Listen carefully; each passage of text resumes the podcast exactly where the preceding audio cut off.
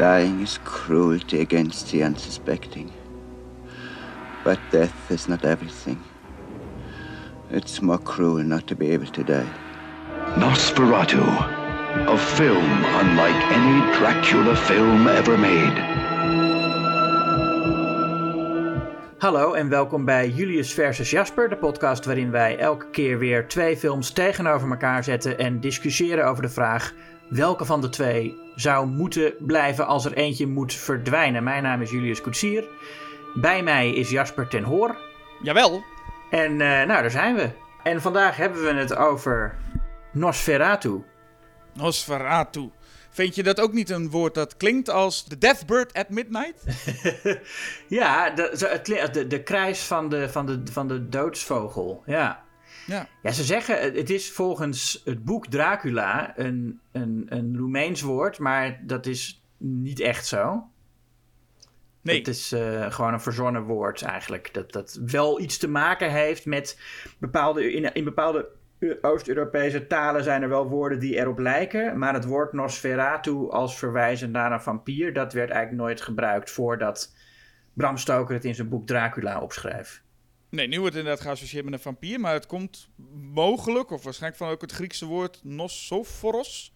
Wat dan plaagdrager betekent. Wat wel heel toepasselijk is als je de films bekijkt. Ja. En maar wat is. Uh, de, de, pest is dan in het Nederlands, hè? De, oh ja. ja, de, de, pest, de pestdrager. um, maar wat is Nosferatu vooral? Een verfilming van het boek van Bram Stoker. Ja, dan hebben we het dus over uh, 1922. Nosferatu van F.W. Murnau. Um, die gaan we bespreken tegenover de remake van uh, Werner Herzog uit 1979. Dus Nosferatu aan Symfonie des Grauens tegenover Nosferatu Fantoom der Nacht. Ja, of welke versie ligt aan welke versie je ziet. Of Nosferatu The Vampire met een Y. Ja, want er is van de remake zowel een uh, Engelstalige als een Duitse versie die dan... Nou ja, er zijn natuurlijk er zijn heel veel talen gedubt. Maar de, de Engelstalige en de Duitse versie, dat zijn allebei de zeg maar officiële originele versie. Ja, ze zijn dan niet gedubt. Het is dan zo dat de acteurs zowel een Engelse take moesten doen en daarna een, in het Duits nog een keer. Ja. Um, maar daarover later meer, want ja, uh, welke kwam er eerst? Ja, eerst hadden we natuurlijk F.W. Murnau's expressionistische meesterwerk Nosferatu. Een symfonie des Grauens. Waarvan ik vroeger altijd dacht dat Grauens, dat dat grauw betekende. Maar dat betekent gewoon uh, griezel, horror, griezelarij. Uh, dus Nosferatu en geen, uh, waarschijnlijk bij heel veel luisteraars wel bekend, geen Dracula. Want zo had die film ook kunnen heten. Ja.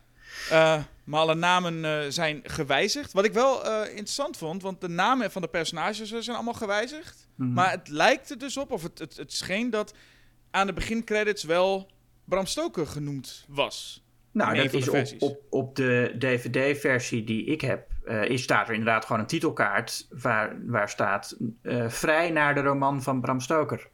Maar is dat dat ook van die tijd? Ja, dat is de oorspronkelijke. Ja, ik, ik heb een best wel. Ik heb een, een, een complete. Uh, ik kijken welke. Ja, ik heb, ik heb een DVD van de special edition van uh, Living Color. Ik weet niet of dat label nog bestaat. Uh, maar die is in elk geval, dat is wel een goeie, want da daar staat gewoon een mooi gerestaureerd. Kijk, met films die in het publieke domein zitten, zoals Nosferatu, loop je vaak het risico als je een DVD koopt dat het gewoon een of andere gerachte kutversie is.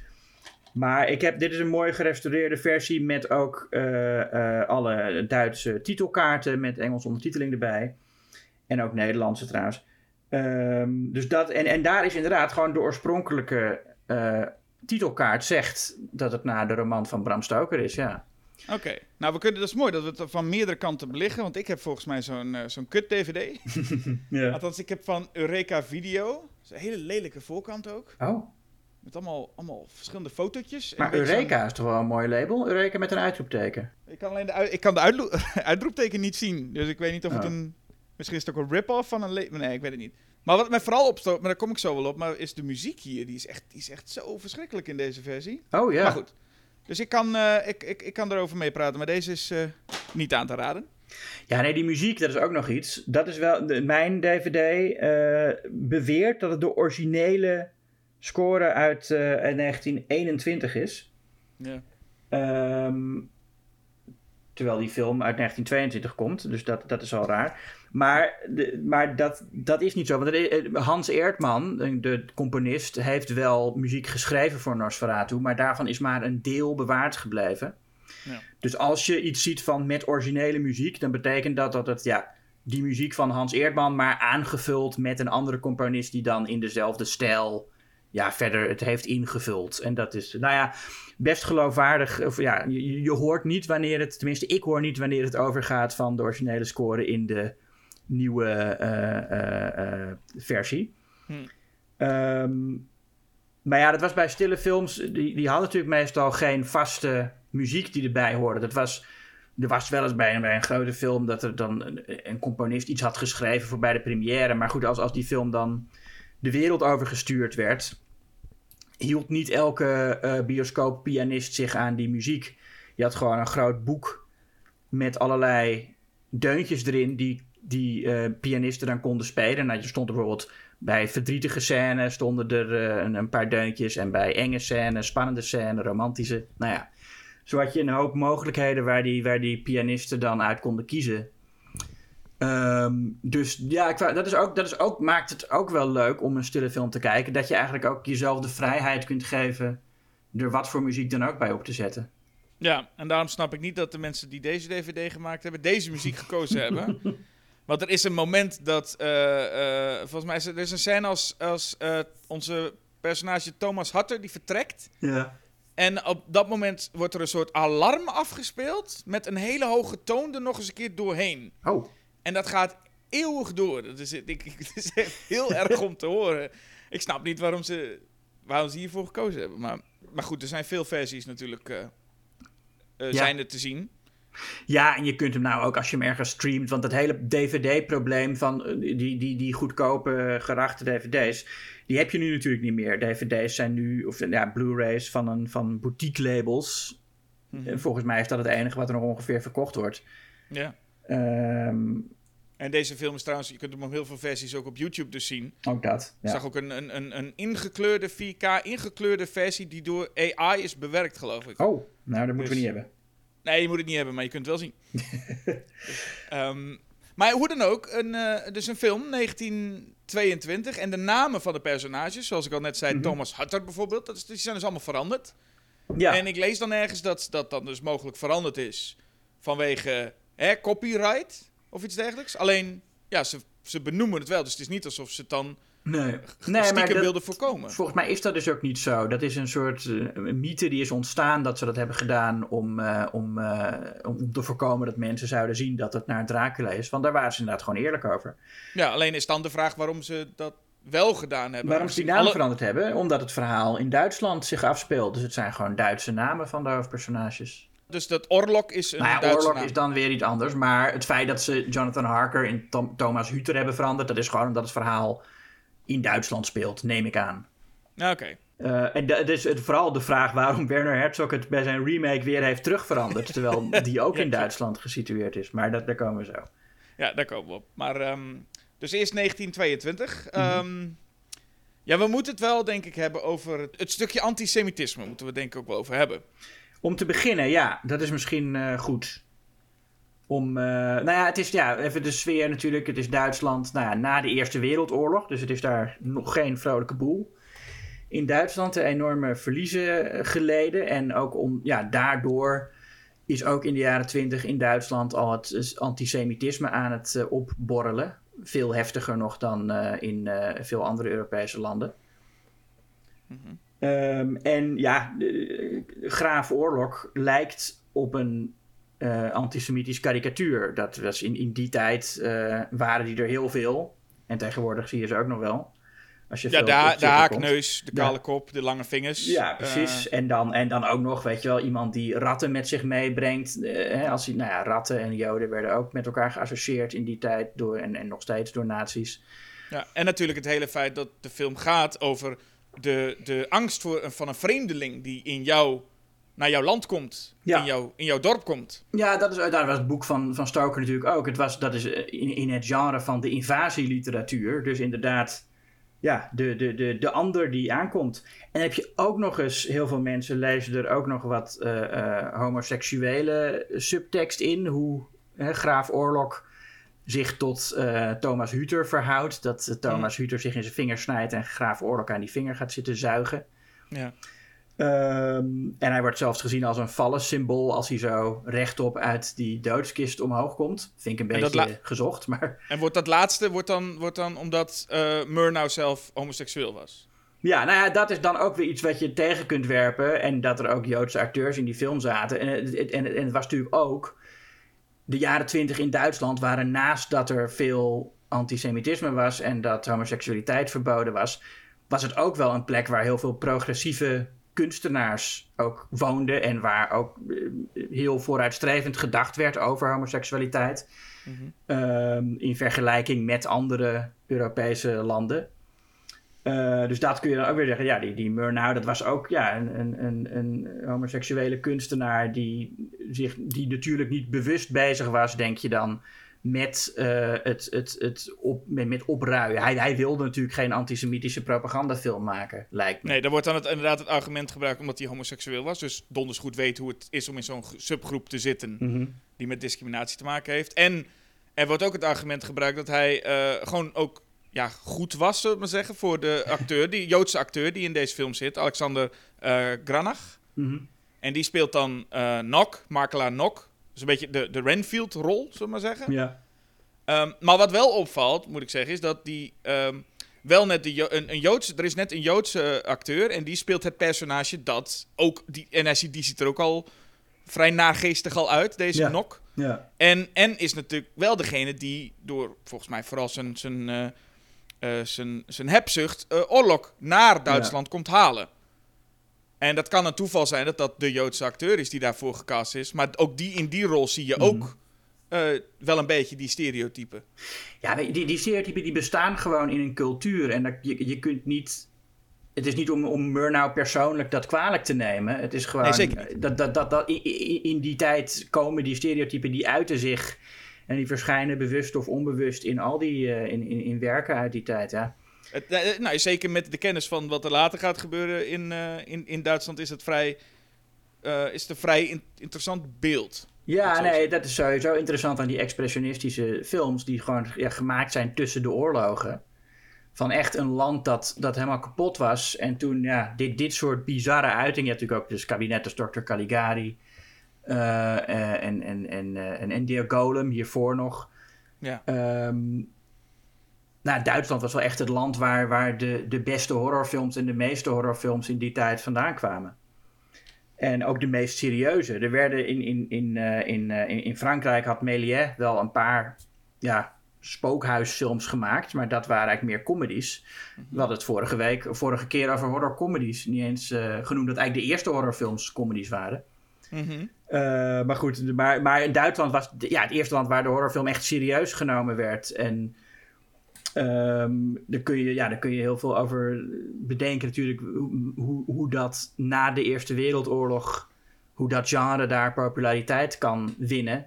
Ook door de uh, xenofobie die, die in, in zo'n in zo'n kapot geslagen land uh, sterker wordt. En dat is interessant en het is tegelijkertijd heel interessant om te zien hoeveel blijft er nog overeind staan van zo'n film die meer dan 100 jaar oud is inmiddels. Ja, jezus, meer dan 100 jaar. Toen hij gemaakt werd, was uh, Dracula dus 25 jaar oud, het boek.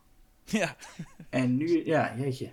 Het is wel een andere ervaring om überhaupt gewoon een, een stille film te zien. Ja. Dan moet je wel even door. Ik, ik kan me best voorstellen, ik bedoel, laat dat de jeugd nu maar eens doen. Maar dat geldt mm. voor ons natuurlijk net zo goed, want wij zijn er ook niet echt mee opgegroeid. Nee, ik ging als kind. Ik weet dat mijn moeder me meenam naar, uh, uh, naar het concertgebouw. om naar Charlie Chaplin films te kijken met live orkestbegeleiding. Dat we, maar ja, dan, dat is een heel andere setting natuurlijk. Maar dat, die Charlie Chaplin, dat was iets wat ik als kind wel uh, keek. Wat ik ook wel leuk vond. Ik denk dat dat het beste is om te beginnen met stille films. Gewoon comedies. En dan, en dan misschien dit soort expressionistische films. En dan kun je door naar de, uh, naar de, de, de zwijgende drama's en de kammerspielfilms. Uh, maar het is, inderdaad, het is, een, het is, het is een, een, uh, een, een hobbel waar je overheen moet. ik vind zelf, omdat de meeste stille films best wel een hoog tempo hebben, hoger dan dat van de eerste geluidsfilms over het algemeen, eh, kijk ik er wel graag naar. En ik, ik ga me ook uh, niet vervelen, omdat ik denk juist bij geluidsfilms heb ik de neiging om af te dwalen omdat er zoveel in dialoog gedaan wordt. En bij een stille film weet ik gewoon, nou, ik moet, er, ik moet erbij blijven. Ik moet zien wat er gebeurt. Ik moet af en toe een titelkaart lezen. Uh, ik verlies veel minder snel concentratie bij een, bij een stille film dan bij een vroege geluidsfilm. Ja, en het is natuurlijk ook interessant dat ze bij een, een, een, een stille film ook heel sporadisch zijn met de belangrijke dialoogzinnen. Mhm. Omdat je ziet wel heel vaak mensen praten en dan denk je gewoon, oh ja, dat is allemaal niet echt belangrijk. Ze zijn aan het praten, maar het is niet echt belangrijk, ik snap het wel. En pas echt, als het echt een belangrijke zin is, Ja. komt die in beeld. Waarbij je eigenlijk bij jezelf denkt, oh ja, bij praatfilms heb je eigenlijk ook dat misschien wel 50% van de tekst die uitgesproken is totaal niet nee, nodig is. Ja, ja, Je snapt het wel. ja. Het is opvulling. En hier krijg je dat echt duidelijk, doordat die zin die echt belangrijk is, die moeten we dan even, die moeten we wel even lezen. Ja, ja het, mooie, het mooie ook aan stille films is dat ze nog meer verwijderd zijn van je ervaring van het leven. En eh, ik, ik, dat, dat is een, iets, iets wat je met zwart-wit en kleur natuurlijk al hebt. Dat het, dat het zwart-wit is, of in dit geval, eh, hè, eh, het zijn gekleurde. Het is niet, het is niet, niet echt zwart-wit, want de, de, de, dus de, de beelden hebben wel kleur natuurlijk. Blauw en geel. Maar goed, dat noem je dan zwart-wit in dit geval. Voor het gemak noemen we dat even zo. Ehm, dat maakt al dat het niet, het is niet hoe je iets in het echt ziet. Dus het wordt veel meer een soort representatie, een symbool voor dat ding in het algemeen. Je ziet niet een vrouw, je ziet de vrouw, een symbool voor een vrouw. En je ziet niet een bloem, je ziet de bloem.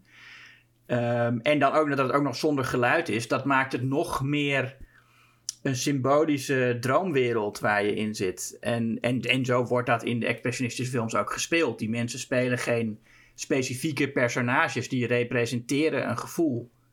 Of een, of een, eh, of, of een, of een houding. En we weten over het algemeen wel, er zijn een paar dingen in, de, in, in, fil- in dergelijke films die gedateerd zijn. Met name het spel zie je natuurlijk, het spel is flink, eh, is flink overdreven. De mimieken zijn flink overdreven. Maar, er zijn een paar, maar wat ik interessant altijd vind bij dit soort films is om echt nu dingen tegen te komen. En die kom je in deze film ook zeker, dingen tegen te komen waarvan je denkt, verrek, dat werkte 100 jaar geleden, werkt nu nog steeds. Ja, Ik zie soms wel eens reacties van mensen die op een film uit 2007 reageren met heeft de tand destijds doorstaan. En dan denk ik, godverdomme, het is 2007.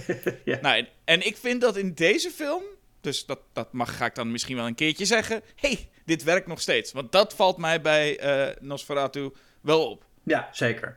En sommige dingen die ehm, werken misschien niet meer helemaal, maar die zijn, ik vind het soms wel ook, ook grappig. Het is ook wel grappig op de manier waarop stille films soms eh, grappig kunnen zijn door de gedateerdheid. Wat dus ab- absoluut geen kritiek is, wil ik alvast eh, zeggen, maar wat ik wel gewoon leuk vind. Ik vind het leuk dat bijvoorbeeld in de, eh, eh, aan het begin van de film zie je Thomas Hutter. Die heeft bloemen geplukt voor zijn vrouw Ellen. En die geeft die bloemen en dan zegt zij... Waarom heb je die mooie bloemen doodgemaakt? Staat op zo'n titelkaart. Ja. En dat is, dat, is de, dat is de enige zin in die dialoog. En dan kijkt hij haar zo aan en dan zie je zo... Haha, dan zie je hem zo lachen en dan omhelst hij er. En dat is het einde van de scène. ja. Maar Ja, dat is heel dat- mooi, want zij, dat is om, om, zij, zij symboliseert dan een soort onschuld en, en schattigheid. Hè? Met, met, met, met, met, met dat ene zinnetje.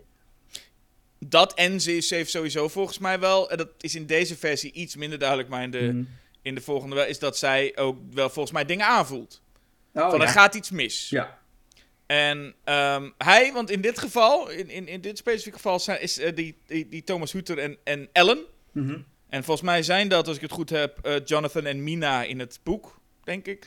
Ja, maar, ja en, maar Werner Herzog maakt om de een of andere reden... Maakt er Lucy van. Wat Ja, een ander dat- personage is uit het boek. Ja. Er zijn wat keuzes daar in de, inderdaad in die vertaling gemaakt. Maar dit zijn in ieder geval de soort van hoofdpersonen. eh, en, en die, dat is echt een heel blij stel ook. ja. Wat een blij duo hier ook. ja. Met En- een lief katje erbij. Ja, en als die, als die eh, eh, eh, Hutter dan ook de opdracht krijgt van ga naar Transylvanië om, om een graaf op te halen. Mhm. Dan komt hij ook helemaal dus springend, juichend thuis met ik ga naar het land van dieven en geesten. ja. Hij weet het goed te verkopen, deze man. Ja, maar zo, zo heeft het ook aan hem verkocht, hè? Die, die, die, die Nok, die heeft, Ja. hem, die heeft hem verteld dat hij weg moet gaan. En, dan, en die, die zegt dan ook, Maar dat, dan zie je, die Nock, dat is dus het Renfield-personage. En die staat al onder invloed van Graaf Oorlog. Eh, en die zegt, Graaf Oorlog wil hier een huis kopen. Jij moet daar naartoe om dat te gaan regelen. En eh, dan zegt hij ook al van, uh, ja, dat is, het wordt wel werk en misschien kost het ook wel wat bloed. Hè? Ja. En dan gaat hij heel hard lachen. En dan zegt hij, nou, veel plezier in het land van de spoken. En dat moet volgens mij dus nageestig zijn. In de zin, want dat, dat, zo wordt er daarna ook op gereageerd. Van, ja, hij gaat aan angst aan jagen het land. Maar hij verkoopt het. Die naïeve Hutter, die verkoopt het ook thuis met... Oh, wat ik mag doen. Ja. Ik mag naar een land met criminelen. En de eh, kans is groot dat ik niet meer terugkom. Jee. Hij wordt, ook, hij wordt nog gewaarschuwd, hè, die Huter. Want dat is de tweede zin die gesproken wordt. De tweede titelkaart is een van mijn allerfavorietste titelkaarten uit de stille filmgeschiedenis. Mm. Dan loopt hij over straat naar zijn werk, heel vrolijk. En dan komt er een of andere vent op hem af en die pakt hem zo beet en die schudt zijn hand en die zegt... Niet zo snel, jonge vriend. Niemand ontkomt aan zijn lot. En dan loopt hij weer verder. Geen idee wie die man is. Nee, het is, het, het, het relativeermeneertje. Die loopt daar rond en die gaat iedereen uh, even, even vertellen hoe het ook zit. Ja. Niemand ontkomt aan zijn lot. Nou ja, dat, daar komt hij natuurlijk wel achter, hè? Dat is wel waar, ja. Want deze, want deze Nok, jij zei het net, die uh, de makelaar, mm Nok... Uh, de Renfield, die is, die, die, jij zegt die is al onder invloed van. Nou, dat lijkt me wel. Ja, ook wel zeggen. Nee, ik, ik, ik, ik kon zijn dat ik iets gemist had met dat kon je duidelijk zien aan dit of dit of dit. Maar het lijkt je inderdaad wel omdat die man zo gek is als een deur. Ja, hij, en hij weet van het bloed. En hij heeft, hij heeft ook een brief gekregen van Oorlog waar allemaal rare tekens op staan. Ja. En ik weet niet. Ik, het is niet helemaal, dat is dan niet helemaal duidelijk. In het boek is het zo dat Renfield eerst naar Transylvanië is gegaan en daar is doorgedraaid en toen weer terug is gekomen. Toen moest Harker hem vervangen. Maar hier is Nock dus, dus de baas van uh, Hutter, die hem op, op weg uh, stuurt. En um, ik, ik weet niet of hij nou zelf al bij Orlok is geweest. Of dat Orlok hem die brief heeft gestuurd met al die gekke symbolen. En dat hij daardoor onder zijn invloed is gekomen. Er is in ieder geval niet veel voor nodig, in ieder geval, om uh, Nok uh, aan jouw team te krijgen. Nee. nee. nee.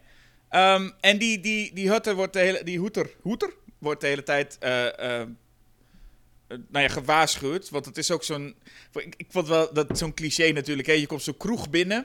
Ja. En dan zeg je wat je gaat doen en dat iedereen dan in angst kijkt met van, oh, wat ga je doen? Ik vind het mhm. zo leuk dat die Huter ook echt dat heel hard dan ook roept iedereen, schiet op met dat eten, ik moet naar Orloks kasteel. Ja.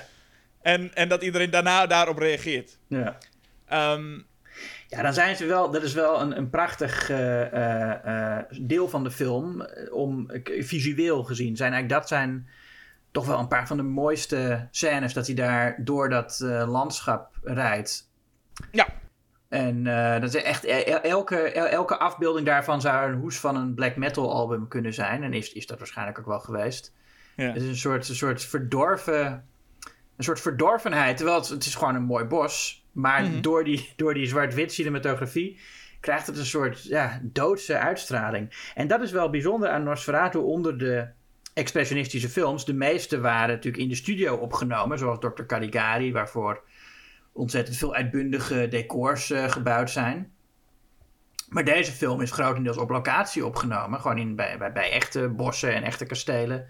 En echte uh, uh, ja, huizen. ja.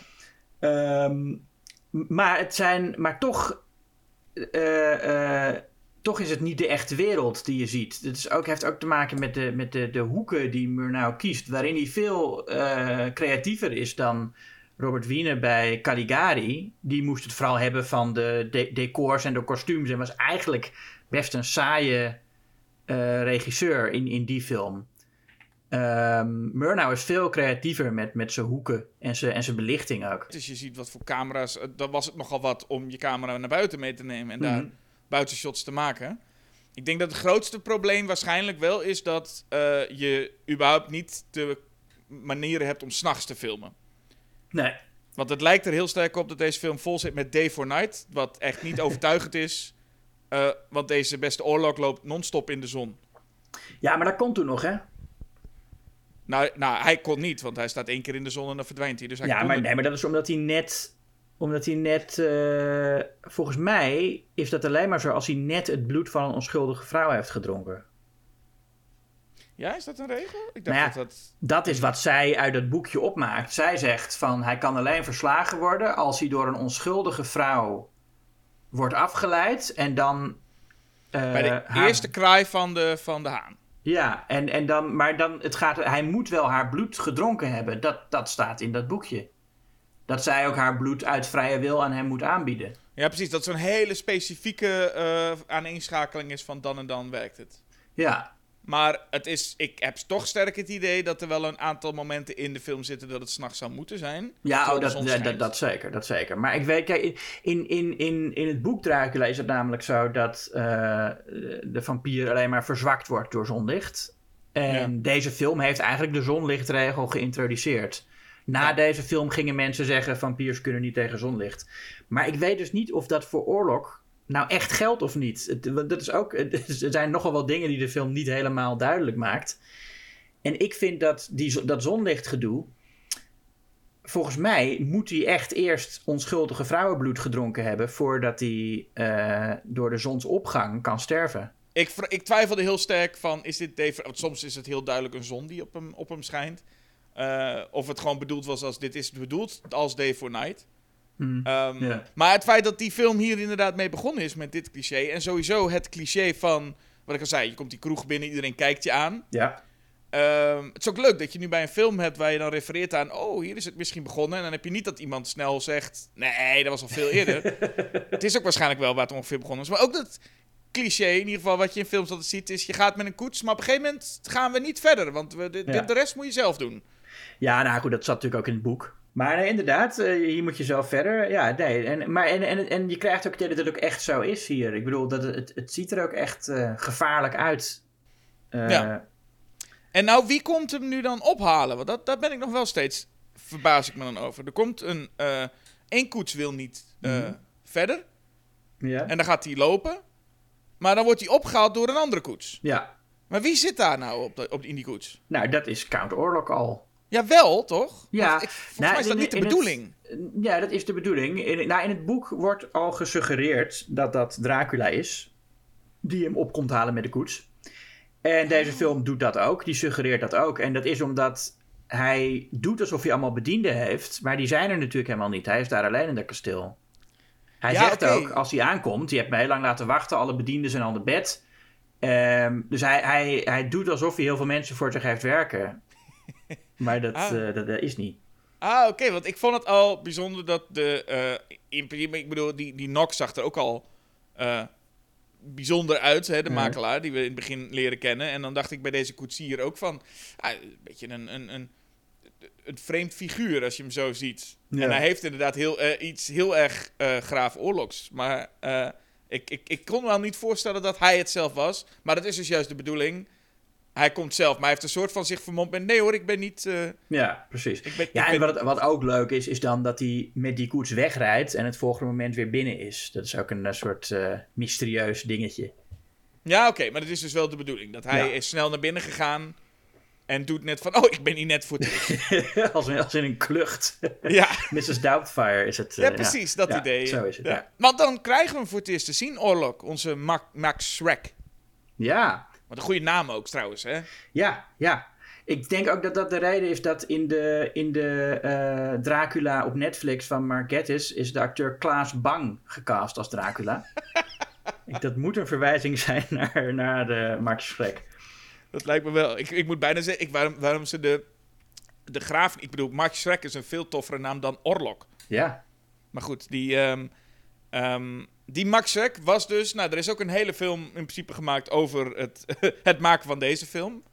Eh, eh, Shadow of the Vampire. Mhm. Met dus Willem Dafoe als Max die eigenlijk echt een vampier blijkt te zijn. En dat is ook een beetje het mysterie rondom Max want die hebben daarna niet heel veel meer gezien. Het is niet een, een, een Bella Lugosi-achtige persoon geworden. nee. En er werd ook inderdaad gezegd dat, volgens mij was het Murnau zelf die ook zei, dat, eh, dat Max Shrek ook zelf al vrij ja, lelijk was eigenlijk. In ieder geval had eh, niet super veel make-up nodig, als wat we zien. Ja, nee, het is Dus- ook als je, het is ook, dat is ook eh, als je een, een, een te scherpe versie krijgt van de film, dan zie je ook wel waar, eh, waar ze met protheses, zie je wat beter de randen van de protheses, zeg maar.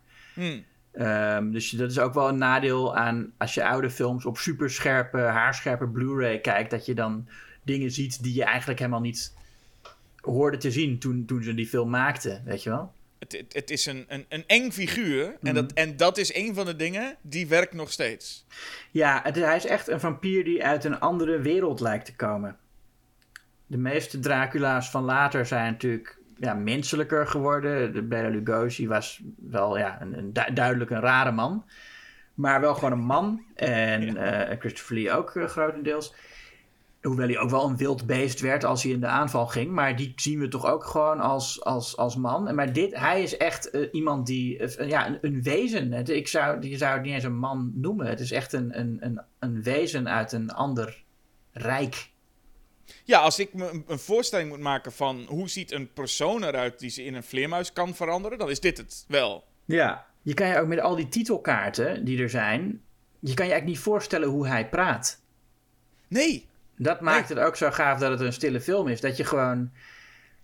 Hij, hij kan geen stem hebben. Hij kan ook niet bestaan in het echt. Je zou hem je ook niet in kleur kunnen voorstellen. Hoewel hij dus blijkbaar wel ingekleurd is. Nou ja, dat, dat gebeurde heel veel. Maar Mhm. je kan je niet een andere eh, Graaf Oorlog voorstellen dan de zwijgende zwart-wit versie. Ja. Hoewel die dus, ja, in de zogenaamde realiteit van deze film... is hij natuurlijk gewoon een man die kan praten in kleur. Mhm. Maar dat is niet hoe, hoe je hem ziet. Nou, wat me in dit geval, eh, deze keer dat ik hem keek, eh, extra op is gevallen, Mhm. is dat Orlok, als hij, eh, nou, er zijn bepaalde scènes, en dat zijn ook trouwens de scènes, deze film bestaat uit twee delen eigenlijk. Je hebt de scènes die iedereen honderdduizend keer gezien heeft, en je hebt alle scènes waar Orlok niet in zit. En die, die, dat is dan dat je dat voor het eerst eigenlijk ziet. En dus alle momenten die we kennen van, met Orlok, die zijn super eng en, en, en werken nog steeds heel goed. Mhm. Maar hij heeft ook momenten dat hij gewoon een mens is. Dat hij gewoon de administratie aan het doen is en aan het eten is. en, en dan is hij, is hij opvallend meer cartoony en goofy dan ik ooit had gedacht. Als je met die grote ogen en zo, en dan heeft hij Ja. iets komisch ook. Ja. Vind ik hem bijna wat je net zei over dat met die koetsier, dat, dat kluchtige, dat zie ik hier ook bijna wel in. met als hij gewoon zo'n gesprekje heeft aan een tafel zit, dan vind ik hem grappiger dan ik Ja. had verwacht. Terwijl op het moment dat hij dan ineens eh, midden in de nacht bij, bij Hoeter eh, stilstaat of de, zijn slaapkamer langzaam binnenkomt, dan is hij doodeng. Ja, als hij zo die, die, door die deur waar hij net doorheen past. Ja, Ja. maar ik, ik vind het ook, er zit echt, ik vind één ding vond ik heel erg grappig, was als Orlok dan, die, die, die krijgt dan die foto van zijn vrouw te zien, van, Mhm. eh, van Ellen. En dan kijkt hij ook met die grote ogen en dan wijst hij daarna met, oeh, dat is mooi. En dan zegt hij, oh, jouw vrouw heeft een mooie nek. En dan, dan zie je Hutter al een beetje kijken, van dat is wel een beetje vreemd. En meteen daarna is de volgende zin, ik ga dat huis kopen tegenover jou. Ja, ja, ja. En dan gaat hij dat tekenen. Ja. Dat zijn twee mooie zinnen om achter elkaar te zeggen. Jouw vrouw heeft een mooie nek, ik koop het huis tegenover jou. Ja. Nou, maar dan, dat, dat zit, als je dan ook een beetje dat spel ziet van, van eh, Max daar, heeft het iets, iets grappigs. Ja, nee, tuurlijk. Het, ja. Ja.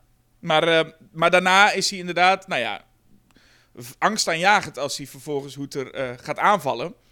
Ja. En ik vond een heel leuk detail, het feit dat Hoeter dat eerst gewoon ziet als muggenbulten, die twee vampierbeetjes in zijn Ja. nek. Ja.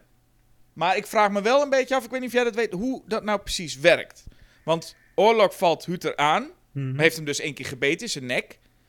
Ehm, en gaat daarna nog een keer naar zijn slaapkamer, of de nacht daarna geloof ik, en valt hem dan nog een keer aan. Maar hij is al gebeten, dus wat...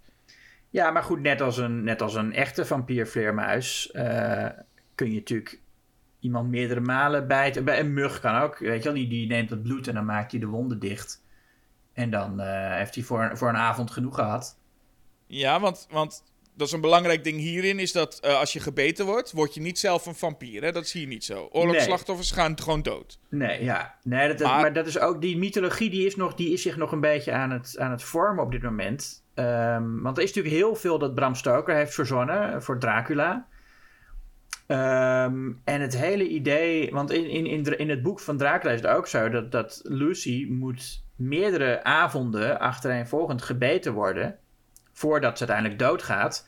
En dan is ze een tijdje dood en dan staat ze weer op als een vampier. Hmm. Ehm, maar hoe, de, de- ja, hoe die regels precies gaan, eh, dat, dat, is nu, dat is hier nog niet helemaal duidelijk. Dat, dat, dat, weet, dat weet de bioscoopbezoeker in de jaren twintig ook niet per se. Dat je per se een vampier wordt als je gebeten wordt. Maar zelfs nu is het nog, toch? Je hebt nu ja, genoeg nee, dat is nu, ja, ik verzin iedereen. Je had in de jaren negentig ook heel veel van die vampierfilms... waarin ze zeiden, vergeet alles wat je wist van vampiers. uh, ja. ja, dat was het. Dat zijn, ik weet niet, we hebben waarschijnlijk... Was het Friday Night? Dat was in ieder geval een van die films waarbij dan... Uh, je knoflook en een houten staak en uh, zonlicht en dus geen reflectie. En er werd een van die dingen werd dan gezegd: nee, knoflook werkt niet. Het is geen film. Ja. Maar al die andere dingen werkten dan wel. Ja, precies. Dus... Ja, wat je ook wel hebt, en een vraag, er was ook een film waarin dan op een gegeven moment aan iemand gevraagd werd: um, kun je ook in een vleermuis veranderen? En ze zei: ah, doe niet zo belachelijk. Dat is altijd, ja. altijd één ding wat dan niet. En het, het, in een vleermuis veranderen is natuurlijk ook wel een van de meer belachelijke dingen die een vampier doet. Dat, dat, doet, uh, dat doet Oorlog ook niet. Nee, maar het is wel zo dat dat is in ieder geval nog iets waar hij zelf iets aan heeft. Maar niet tegen knoflook kunnen heb je als vampier ook helemaal geen fuck aan dat je dat... nee. En het, en het zijn er ook veel, dus ik snap ook wel dat op een gegeven moment...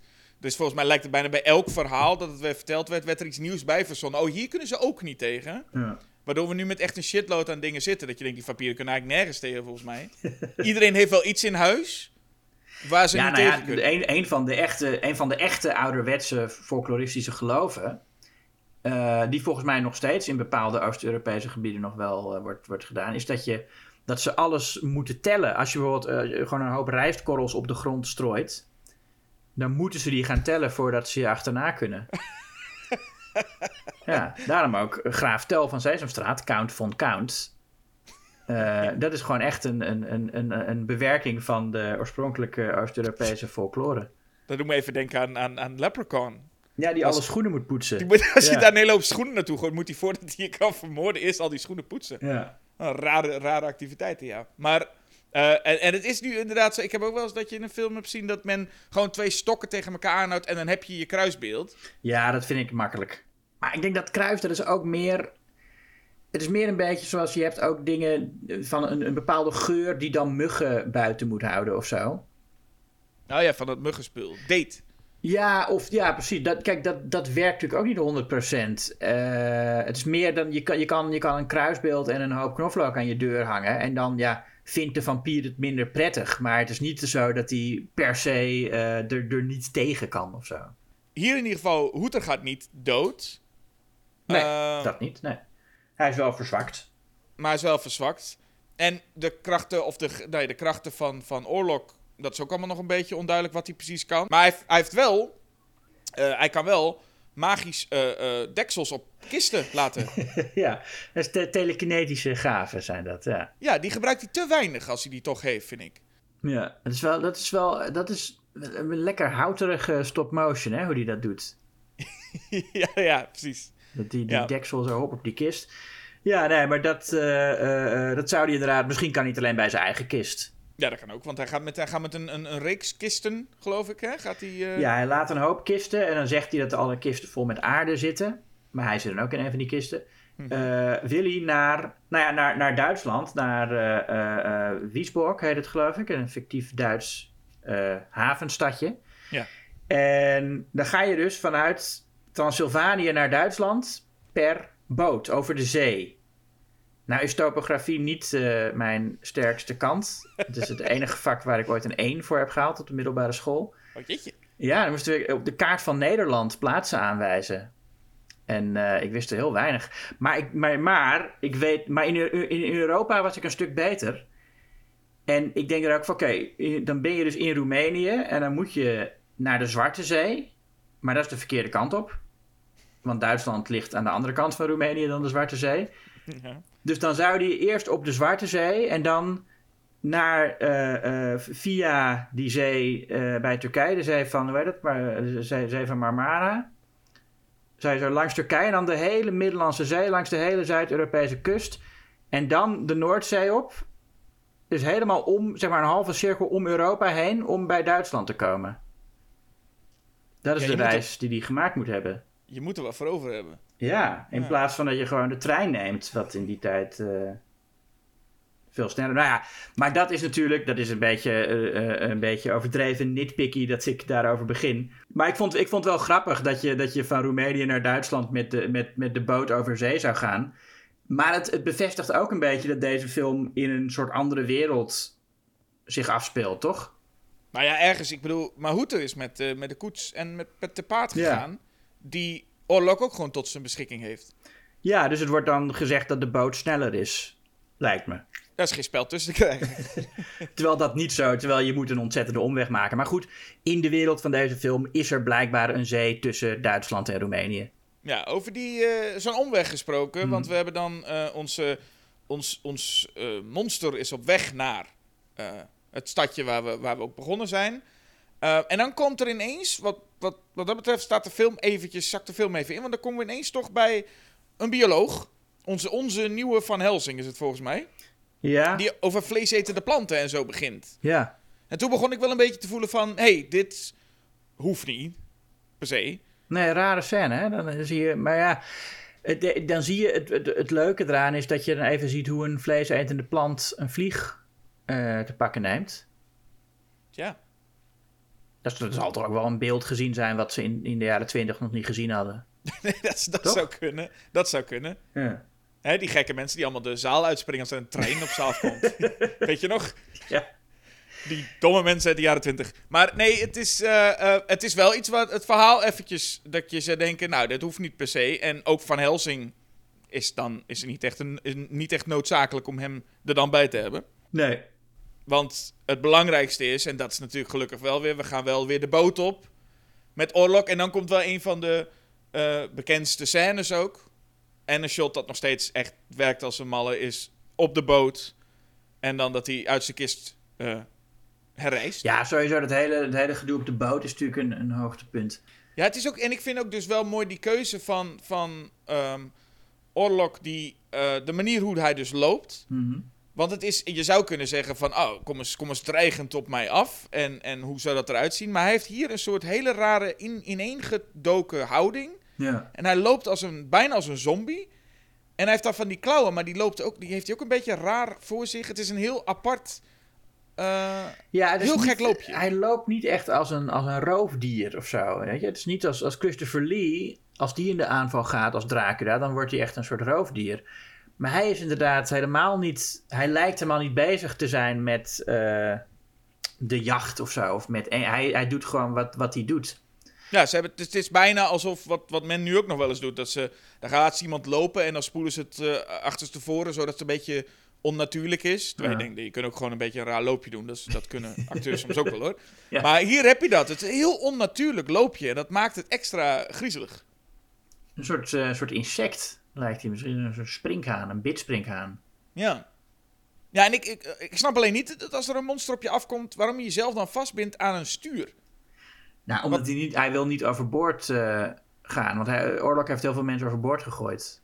Ja, maar is het niet, volgens mij is het met die, met die, met die touwen om dat stuur, is toch dat je wel blijft varen. Wat, er, wat jou ook gebeurt, het schip moet wel de juiste weg blijven varen. Ja. Ik weet niet of dat klopt, maar ik, ik, vond, het een, ik vond het een bijzondere keuze wat een kapitein of de, de, Hmm. wat, hij, wat hij doet als, als oorlog op hem afkomt. Ja, nou ja, misschien is het ook wel van de kapitein moet ten onder gaan met het schip. Ja, maar, de kapitein, maar de- het schip komt wel aan. Ja. Dus dat is heel knap. Ik weet niet waar Orlok deze aanval heeft gepleegd, maar het is in ieder geval ergens waar het schip in ieder geval rechtdoor kon.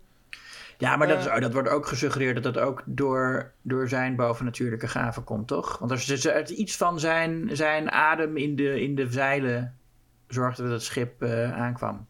Ah ja. Nou ja, goed. Het schip arriveert dan in, eh in eh Wiesborg. Ja. Alwaar er allerlei ratten uit tevoorschijn komen. Ja, en dat is dan ook vooral de theorie. Hè? De, de, of de theorie is inderdaad dat de plaag, de pest, is gearriveerd. Ja, het is heel lullig dat ratten er altijd de schuld van krijgen. Want het waren eigenlijk de, de vlooien van de ratten die de pest eh, verspreiden. Ja, die arme beestjes. Ja. Eh, maar goed, al die ratten. Er zit, ik, altijd als ik, als ik dieren zie in stille films, denk ik, oh, die zijn nu waarschijnlijk allemaal dood. Als je dieren ziet. Nou ja, als ik en die kat in het begin, toen ik die kat in het begin zag, Ja. Dacht ik al, die kat die, die leeft misschien al lang niet meer.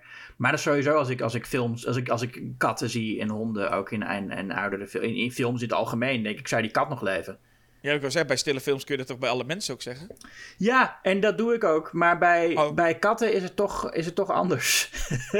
ik Bij weet niet is het maar anders. Het voelt dan toch, ja, ik weet niet. Het is dan toch raar dat je zo'n zo'n lief beest ziet spelen. en Je van, ah, die is al lang dood. Waarschijnlijk. Nou, in deze film zeker, maar dat kun je bij alle mensen ook zeker weten zeggen. Ja, nee, Althans- maar goed. Maar dat, ja, nee, maar ja, ja, dat natuurlijk. Nou, er zou technisch een baby in de film kunnen zitten, die nu in de 100 is. Dat zou kunnen. In de 100, ja. Ehm, waar zijn we in de film? Oh ja, hij is net in, in, in, in, eh, in Duitsland aangekomen. Hij is in Duitsland aangekomen. Hij heeft in dit geval, ondanks dat hij met Nok een soort hulpje heeft, moet hij toch eh, deze graaf wel als zijn eigen werk doen. Dus hij moet zelf met die kisten lopen sjouwen. ja, dan zie je hem zo lopen, inderdaad. Zie je, zie je hem lopen met zo'n kist onder de arm. Ja. En ja, dan komt het, komen we bij het punt dat hij verslagen moet worden. En ik, wat ik dus bijzonder vond, is dat eh, daar een, een, een rol is weggelegd voor Ellen. Ja. Ja, nee, dat is, want inderdaad, dat is eh, eh, opvallend. En daar zat ik ook aan te denken. Zij is de eerste vrouw die op, een, op het witte doek door een vampier gebeten wordt. Hè, het eerste shot dat toen nog duizenden keren herhaald zou worden van een vrouw in bed en een vampier eroverheen. Maar zij is hem daar heel bewust in de val aan het lokken. En ook dat shot, dat nog beroemdere shot waar, hij, waar je zijn schaduw ziet als hij zo de trap oploopt.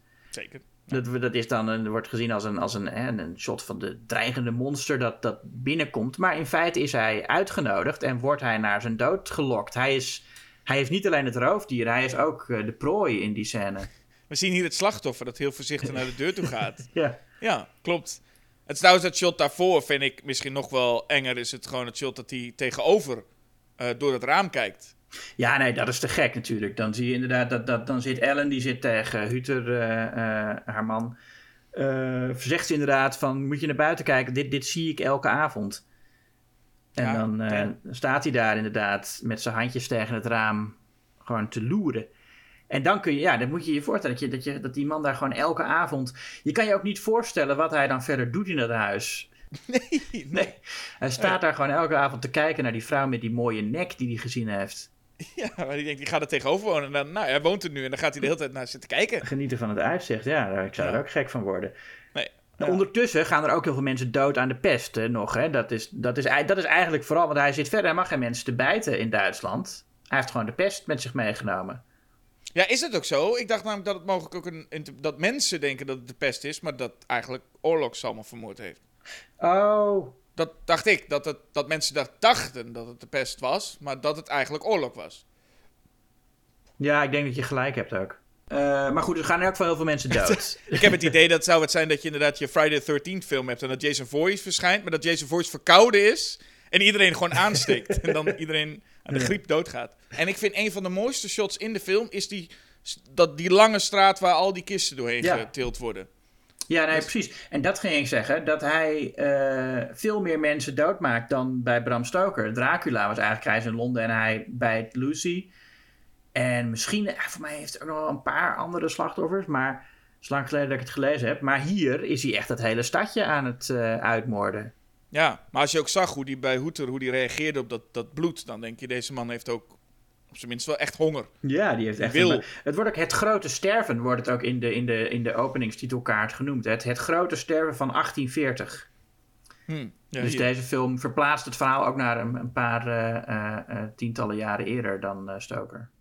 Hu- Huter heeft een boekje meegenomen.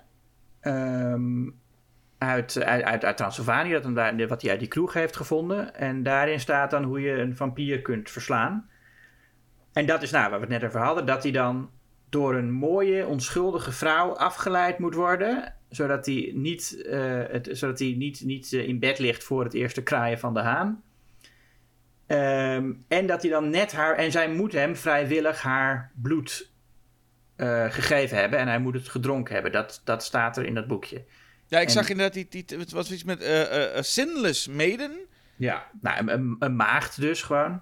makes the vampire forget the first crow of the cock. Ja. En ik moest een paar keer lezen die zin ook, van wat, wat precies nu bedoeld wordt. Maar het is dus zo dat je dus, je moet de vampier het echt laten vergeten dat de, kraan, dat, dat de kraai gaat... eh, nee, de haan. dat de haan gaat kraaien. dat de haan gaat kraaien. Dat moet je dus eh, hem laten vergeten. Nou ja, de- daarmee wordt dan bedoeld dat hij dus eigenlijk voor die tijd in bed moet, dat hij zijn bedtijd vergeet. Ja, precies. Waarmee wordt gesuggereerd dat, dus dat hij echt door zonlicht dood kan gaan. Maar dat was toen nog helemaal niet een, een bekend gegeven. Dus dat is raar. Maar wordt daar ook mee gesuggereerd dat dat dus wel iets is wat, je, wat makkelijk te bereiken is bij vampieren? Die, die lui zijn zo gefixeerd, die kun je makkelijk voor de gek houden. Nee, dat, staat dat ook is in- helemaal niet zo makkelijk, denk ik. Nou ja, het staat meer, meer omdat het ook echt in het boekje staat. Het is niet dat ze ziet van... Oh, eh, je moet zonlicht. En zij bedenkt zelf, ik ga me lang afleiden. Het staat ook echt in het boekje. Ja, je kunt klopt, het proberen ze te het laten ja. vergeten. Ja, en er staat dus dat, dat, dat die vrouw vrijwillig haar bloed aan hem moet aanbieden. Dus hè, dan, dan is wel duidelijk dat hij ook dat bloed gedronken moet hebben, volgens mij, om het te laten werken. Dat hij Ja, net maar- onschuldig maagdenbloed heeft gedronken. Ja, je gaat ervan uit dat dit allemaal een keer geprobeerd is. Daarom schrijven ze het op. Ja. Of het is, een- het is een aanname, dat kan natuurlijk ook. ja. Maar de suggestie is inderdaad van... Nou, je kunt het proberen, kijken of hij het vergeet. En, en Warempel, hij is zo gefixeerd, hij vergeet het. Eh, Ja, precies. Ja, nee, maar zij maakt dus, dat is ook wel bijzonder, dat zij eh, in, in, helemaal in haar eentje dat hele plan smeet. Dat zij een veel actiever personage gemaakt wordt dan Mina of Lucy eh, in, in, het, in het boek. ja. En sowieso dan heel veel eh, vrouwen in, in vampierfilms. Ja, en sowieso zij- ook dan eh, Thomas Hutter, want die doet ook geen fuck. Ja, nee, en, ze, en dat zij ook gewoon haar eigen man om de tuin moet leiden. Want zij, eh, zij, moet, zij doet alsof ze flauw valt. Hè? Ze, ze doet het raam open en dan ziet ze hem en dan doet ze alsof ze flauw valt. En dan komt ze weer bij en dan zegt ze snel, haal de dokter. En dan gaat Huter, eh, rent weg om de dokter te halen. En dan zit ze meteen rechtop en zie je dat het allemaal maar een, een, eh, een, een truc was van haar. Ja, wat een heldin. Ja, Ze, ze offert zichzelf op om ons eh, te verlossen van, van ja. oorlog. Op, of, zelfopoffering. Natuurlijk ook een, een, een belangrijk thema in een land dat net heel veel soldaten is, eh, is verloren. Hmm. Maar ja, het is een, een tragisch einde. Het is, het is neerslachtiger dan de roman. Waarin Mina het, Lucy weliswaar doodgaat, maar Mina het overleeft. Ehm, ja, nee, het is, het is, het is een- echt een, een beetje een downer einde. Hij, hij gaat weg, maar ja, Huter moet eh, gaan rouwen. Ja, maar we zien wel, het, het eindigt in ieder geval wel met het beeld van het kasteel van Orlok. Als een soort ruïne. Ja, En het is wel met ook de tekst die wel aangeeft, het kwaad is weg. ja. Dus het is, Ja. het is wel een downer, maar ze willen toch nog een beetje opbeuren met, nou hè, het, is, eh, het kwaad is wel verslagen. Ja, nee, haar, haar offer is niet voor niets geweest. Dat is het. Ja. Dus tot zover Nosferatu. Hm. Dan is het misschien tijd om het eens te hebben over eh, Nosferatu. Yes. Maar waarom Nosferatu? Dat is eigenlijk wel een goede vraag. Want jij, jij noemde het al. eh, de- de- deze film had ook Dracula kunnen heten. Ja. Eh waar het niet dat er in... Ik weet niet of dat er heel erg mee te maken heeft... maar waar het niet dat er in, die, in hetzelfde jaar, 1979... ook een film was die Dracula heette. Met Frank Langella. Oh ja. Nee, maar het is, dit is ook wel echt een remake. Er gebeuren heel veel dingen in deze film die echt uit, eh, uit de eerste Nosferatu komen. Zeker, en dat, is, dat heeft grotendeels natuurlijk te maken met Werner Herzog... die eh, Nosferatu de, nou, volgens hem de beste Duitse film ooit gemaakt... Ja. Er, wa- er waren toen volgens mij sowieso heel veel vampierfilms Mhm. in. Volgens mij specifiek in, in eh, eh, 79 ook. Ja, en het is ook een film voor een heel ander publiek, deze Nosferatu. Het, het is geen, ik bedoel, het is niet voor het, voor het publiek van de Hammer Dracula films of de, eh, of hoewel, het, is natuurlijk voor een publiek dat van vampierfilms houdt, dus mis- ook wel, maar het is een heel ander soort film eh, dan die. En het is trouwens, de, de, de, originele eh, Nosferatu is heel lang niet, te, niet te zien geweest, omdat de weduwe van Bram Stoker die film had, eh, nou ja, ze hadden die mensen aangeklaagd dat ze zonder de rechten te kopen een verfilming hadden gemaakt. Dus toen moesten alle kopieën vernietigd worden. En dat gebeurde ook, want in die tijd gaven ze nog niks om film als, eh, hè, als, als, als, als kunst die voor het nageslacht bewaard moet blijven. Was gewoon een wegwerpamusement. Dus het, niemand deed er moeilijk over, behalve de makers, om even al die kopieën in de fik te steken. Ehm, maar gelukkig zijn er een paar bewaard gebleven die pas in de jaren 60 en 70 weer gevonden werden. En toen was, de, was het ook verjaard en was, was, het, was het Dracula publieke domein. Dus toen konden ze die film weer vertonen. Dus het was, dus in de, dus het was uh, uh, ja, ongeveer 20 jaar of zo nadat die film weer opnieuw te zien was, uh, heeft Herzog deze remake gemaakt. Ja, je moet je ook ergens voorstellen. Hè? Je hebt daarna natuurlijk de, de bekende Dracula's. En, en ik heb ze lang niet allemaal gezien. Ik ben geen grote Dracula-liefhebber. Maar je, je moet je voorstellen dat dan de eerste film van het boek Dracula. is dan een soort rip-off. die dan verboden is geworden. Maar dat is dan wel meteen de beste. Ja. ja. Dus ik vind de, de keuze om Nosferatu dan maar te remaken. Hmm. Vind ik geen slechte keuze ook. Nee, zeker niet. En ik snap ook heel goed. Het is ook echt een film die een heel andere sfeer ademt dan andere Dracula-films. Heel anders dan de Universal of de Hammer-films. Of de, of de Frank uh, Langella-films. Die hem ook veel meer echt een, een, een uh, romantisch figuur maakte. Dus zeker die, die Langella-versie. Ja. Um, ja, en, en, en minder een, een, een monster. En als je, maar dat, het gekke is dat Herzog oorlog ook juist menselijker maakt. Ja, en ik vind zelf, als ik al even naar het totaal kijk, dan dat. Want je hebt nu dus zo'n remake die heel anders voelt dan ook het origineel. Maar ook inderdaad, wat je zegt, andere uh, Dracula-films. En uh, nou, er gaan nu altijd geluiden over een volgende Nosferatu remake. Mhm. Dat Robert Eggers eentje zou gaan maken nu. Ja. Met, uh, ik weet niet hoe ver die plannen in principe zijn. Maar je had er dat in ieder geval met Bill Skarsgård zou dan oorlog worden. En ik denk bij mezelf, ik vind het wel interessant dat er gewoon, zeg maar, van Dracula, weet ik hoeveel films allemaal komen. En ze proberen weer zo'n Dark Universe te gooien, wat dan ook. Maar dat er van Nosferatu eens in de zoveel jaren gewoon een hele hm. eigenzinnige film komt. Ja.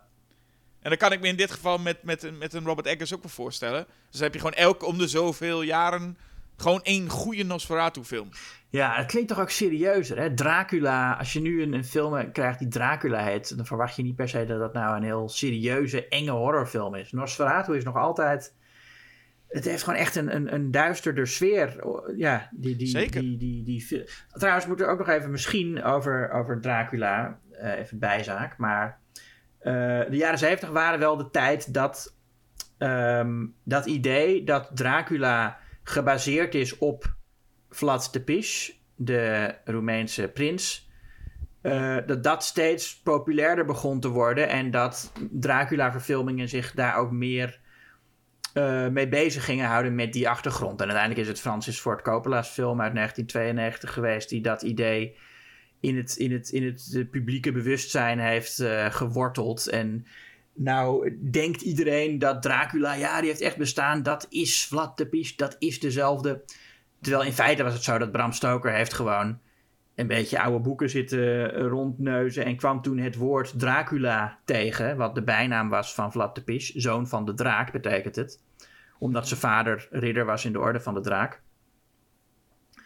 Um, ik kwam hier gewoon dat woord tegen en hij dacht, nou, dat, dat klinkt wel, uh, klinkt wel lekker duister en het betekent ook iets duisters. Ik ga gewoon mijn vampier zo noemen. En ja. hij had ook, hij had ook de, de, de, de, de eerste versie van het boek had hij al lang af met het hele, met, met min of meer hetzelfde verhaal, voordat hij de naam Dracula erbij bedacht. Uh, de graaf heette in de eerste versie nog Graaf Vampier. Met een W. Oh, ja. dus Dracula was, het was eigenlijk gewoon een, een soort toevalsvondst. En hij heeft het personage, hij was, hij was echt niet geïnspireerd door Vlad Tepes. Hij heeft een paar historische details nog toegevoegd, maar dat hele idee dat, dat uh, Vlad Tepes de echte graaf Dracula, dat is echt uh, onzin. Ja, ik weet, ik ben zelf ook in Roemenië een keertje naar kasteel Brandis geweest. Oh ja. En dan heb je inderdaad ook dat je denkt van, oh, we gaan naar het, het kasteel van Dracula. Wat dus gewoon eigenlijk gewoon niks is. Dus gewoon heeft Nee. helemaal niks te maken met het boek of met het figuur. Nee. Maar ondertussen staan er allemaal kraampjes beneden die allemaal van die magneetjes verkopen waar dan Dracula op staat. Hij is ook nog wel een volksheld daar, hè? De, de Vlad Tepes. Dracula, zeggen zij dan, geloof ik. Met een, eh, Ja. Ja. Want dat hele verhaal over dat hij graag eh, zijn ontbijt at tussen de gespietste mensen, dat is waarschijnlijk ook allemaal verzonnen door zijn eh, tegenstanders. Goed. Eh, even wat, wat historische misvattingen hersteld. Dan nu naar de nieuwe, dus de nieuwe Nosferatu. Volgens Werner Herzog dus het origineel en de beste Duitse film ooit. En hier is zijn eigen versie. Nou, wat we al zeiden, toch? hij eh, maakt een Engelse en een, Nederland en een Duitse versie. Wat ik dus al leuk vind, is dat die acteurs dus twee keer zo'n take moeten doen. En dan Ja. één keer Engels, één keer Duits. Ja. Welke heb jij gekeken trouwens? Ik heb de Engelse. Ik heb in ieder geval de DVD van de Engelse. Eh, maar ik heb wel even stukken van de Duitse opgezocht. Ja. Nou, en meteen over het begin. Ik, wat een begin van deze film. Ik zat die. Dus die enorm sinistere muziek. En dan krijg je shots van eh, hele.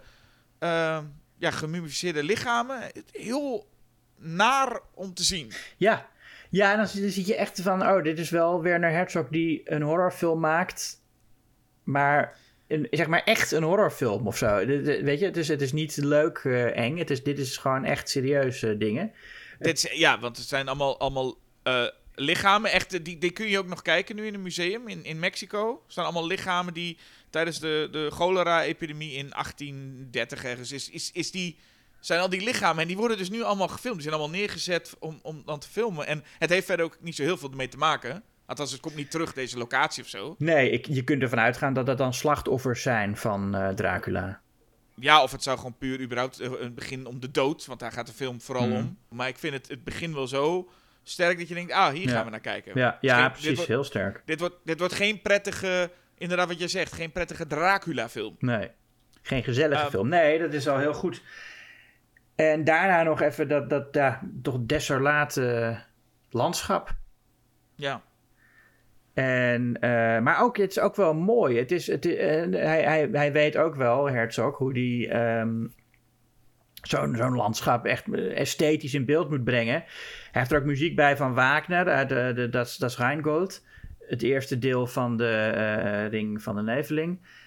En die combinatie van dat, hè, dat grootse romantische landschap met die muziek erbij.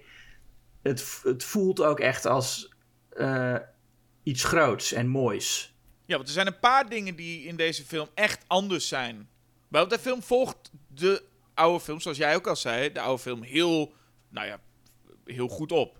Het is echt een, Ja. echt, echt een remake. Nee, ik was, ik, was, ik was echt verbaasd hoeveel ook van de dialoog ook van de titelkaarten is overgenomen. Maar die namen zijn dus heel bijzonder. Dat hij dus zo kiest om de namen van eh, eh, eh, Jonathan en, en Lucy dus, en, en Dracula zelf, Mhm.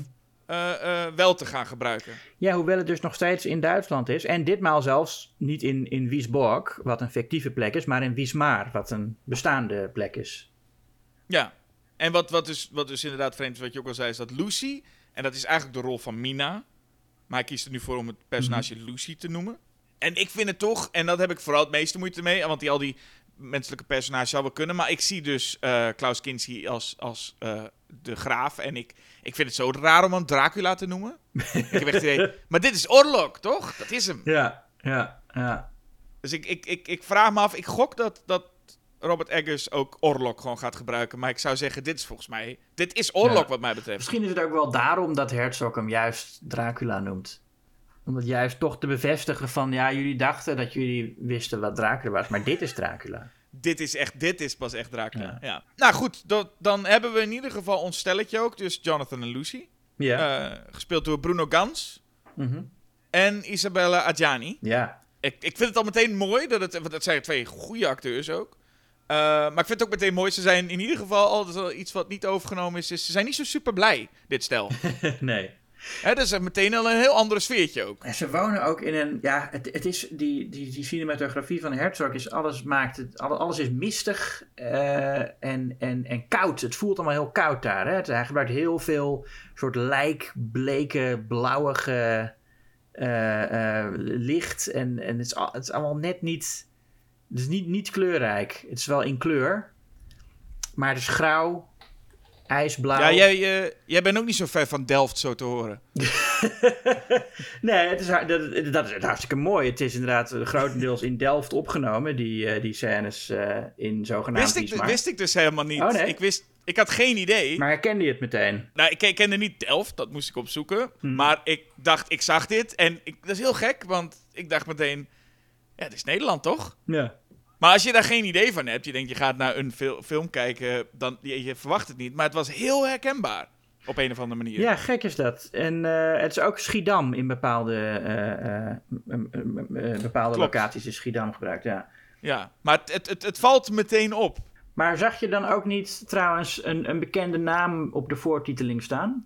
Zeker. Ja, die komen nog wel die voorbij. ik zag, die- twee, die- die ik zag in ieder geval twee bekende namen. En ik zag, ja, je ziet, ik zag wel heel wat Nederlands klinkende namen Ja. ook. Nee, ja, het is, het Nederlands tintje. Oh, Nederlands tintje. ja, Maarten het Hart is er ook nog bij betrokken geweest. Eh, maar daar Ja. gaan we zo ook nog over praten. Ik was in ieder geval dus vooral met deze film dus ingezoomd waar ik bij Nosferatu uit 1922 heel erg ging kijken van welke, welke scènes werken nog steeds. Mhm. Zat ik hier vooral gewoon de vergelijking te maken. Wat misschien Ja. ook wel logisch is, maar gewoon van wat doen ze hier anders. En, en ik denk dat het in ieder geval heel fijn is dat het Werner Herzog was. Want er wordt heel veel echt anders gedaan op een hele fijne manier. Ja. Ik bedoel, in, in minder eh, eh, artistieke handen zou het waarschijnlijk gewoon een. eh, opnieuw, gewoon de film opnieuw. En hier doet hij heel veel dingen niet juist opnieuw. En dat vind ik ook heel goed. De, de meest eh, herkenbare dingen uit Nosferatu 1922, zou je kunnen zeggen, Mhm. doet hij hier niet opnieuw. Nee. En dat is volgens mij een goede keuze wel. Ja, zeker. Ehm, ja, wat mij, wat mij vooral opvalt als je die twee vergelijkt, is ehm, dat sommige dingen die, die, die kopieert hij dan wel. En die werken dan, dan blijkt gewoon dat het beter werkt in zwart-wit en zwijgend. Zo'n scène met die eh, eh, eh, ehm, Renfield dan, de, de, de, de Nok, die hier gewoon Renfield heet. Ja. Die, dat is ook niet zo'n heel goede acteur, die Roland Topor, die, die hem speelt. En die doet dan ook dat van, hè, misschien een beetje bloed en, en, en dat gekke lachje.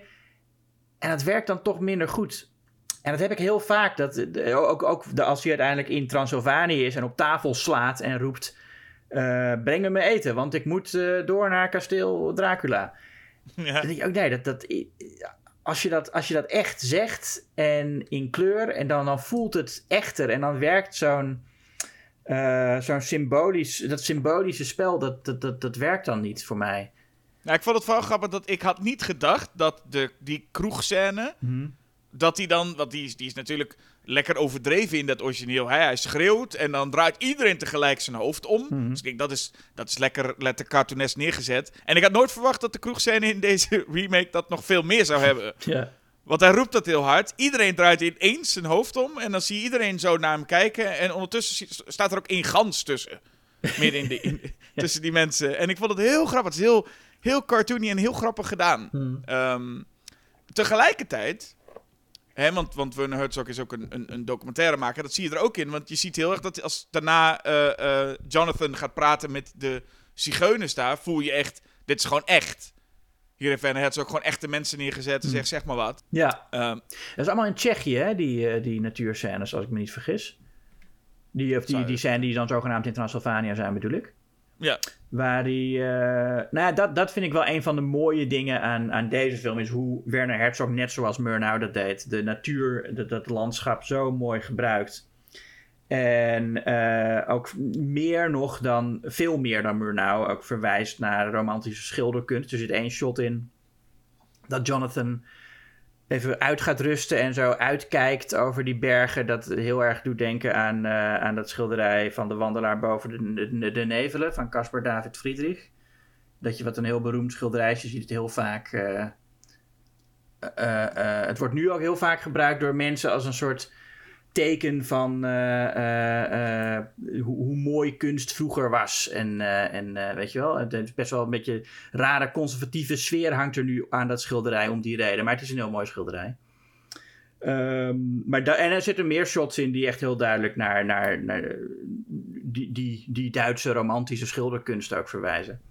Ja, want het is, het, he- het is een hele lange sequentie waarvan je, ik normaal gesproken zou zeggen, ik hoor mezelf het bijna zeggen met, nou, dit mag wel wat sneller, hè? Mhm. Want hij gaat eh, lopend naar het kasteel. Ja. En, eh, maar dat was hier absoluut, het is heel mooi, hele lange shots, klassieke muziek en, en, en heel lang gewoon kijken naar Bruno Gans die aan het lopen is in de natuur. Ja. Tot hij dus meegenomen wordt door iemand op een koets die oogt als een normale man. ja, nu is het wel iemand anders, ja. Ja, daar ga ik vanuit. Of, of Klaus Kinski is heel goed in vermommen. Want het ziet eruit, het is gewoon een normale man die, neemt, eh, die, hem, die hem meeneemt. In de Coppola-versie is het trouwens wel echt Gary Oldman, hè? ook al zie je het daar helemaal niet. eh, Gary Oldman zit daar ook op die koets. Ja, maar goed, Gary Oldman kennen, dus speelt hij waarschijnlijk ook nog eh, andere mensen allemaal. Hier hebben we dan te maken met Klaus Kinski. En ja, dat is ook iemand, hè? Dat is zeker iemand, ja. Ja, even kort Klaus Kinski, want ik bedoel, eh, ook zo'n naam. Ik vind dat als je, als je, als je toch ook Orlok speelt, moet je ook wel een beetje zo'n gekke naam hebben, vind ik. toch? Max Schreck, Max Klaus Schreck Kinski. Ja, ja, ja, ja, ja. Nou, nu heb je dan mogelijk dus Bill Skarsgård, wat ik ook wel... dus vooruit. mag in het rijtje. Maar ja, goed, Klaus Kinski, een beruchte acteur, omdat hij enorm moeilijk is. Zo, dat mogen we wel stellen.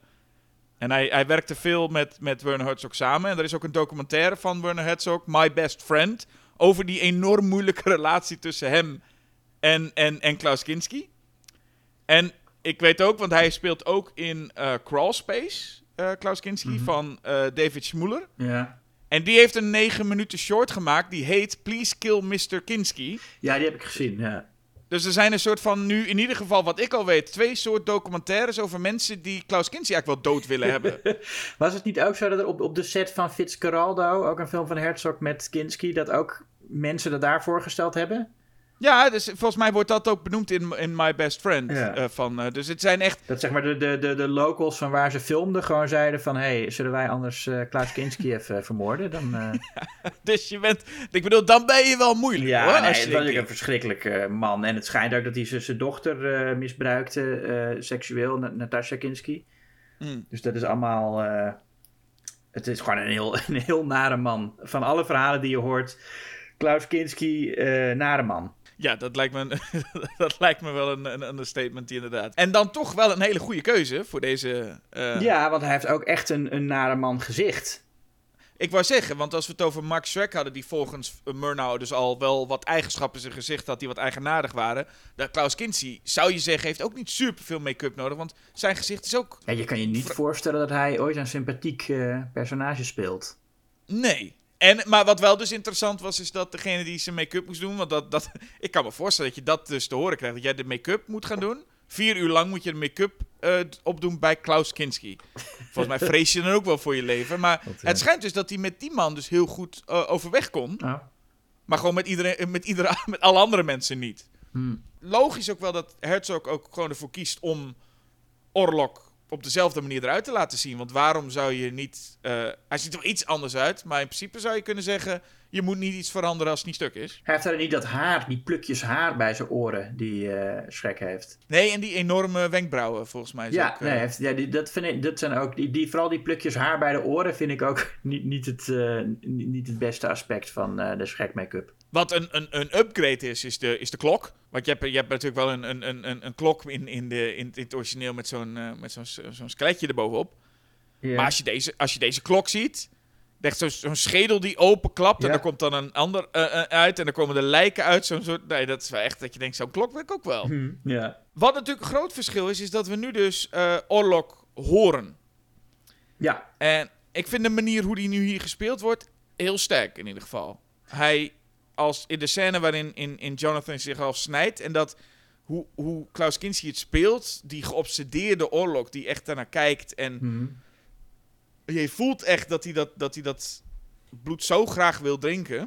ja en, hij, en hij speelt hem ook niet eh, heel erg als schurk of als monster. Hij houdt het bewust heel klein, Kinski, want hij weet dat de make-up al veel werk doet. En, en, en de belichting natuurlijk en de cinematografie.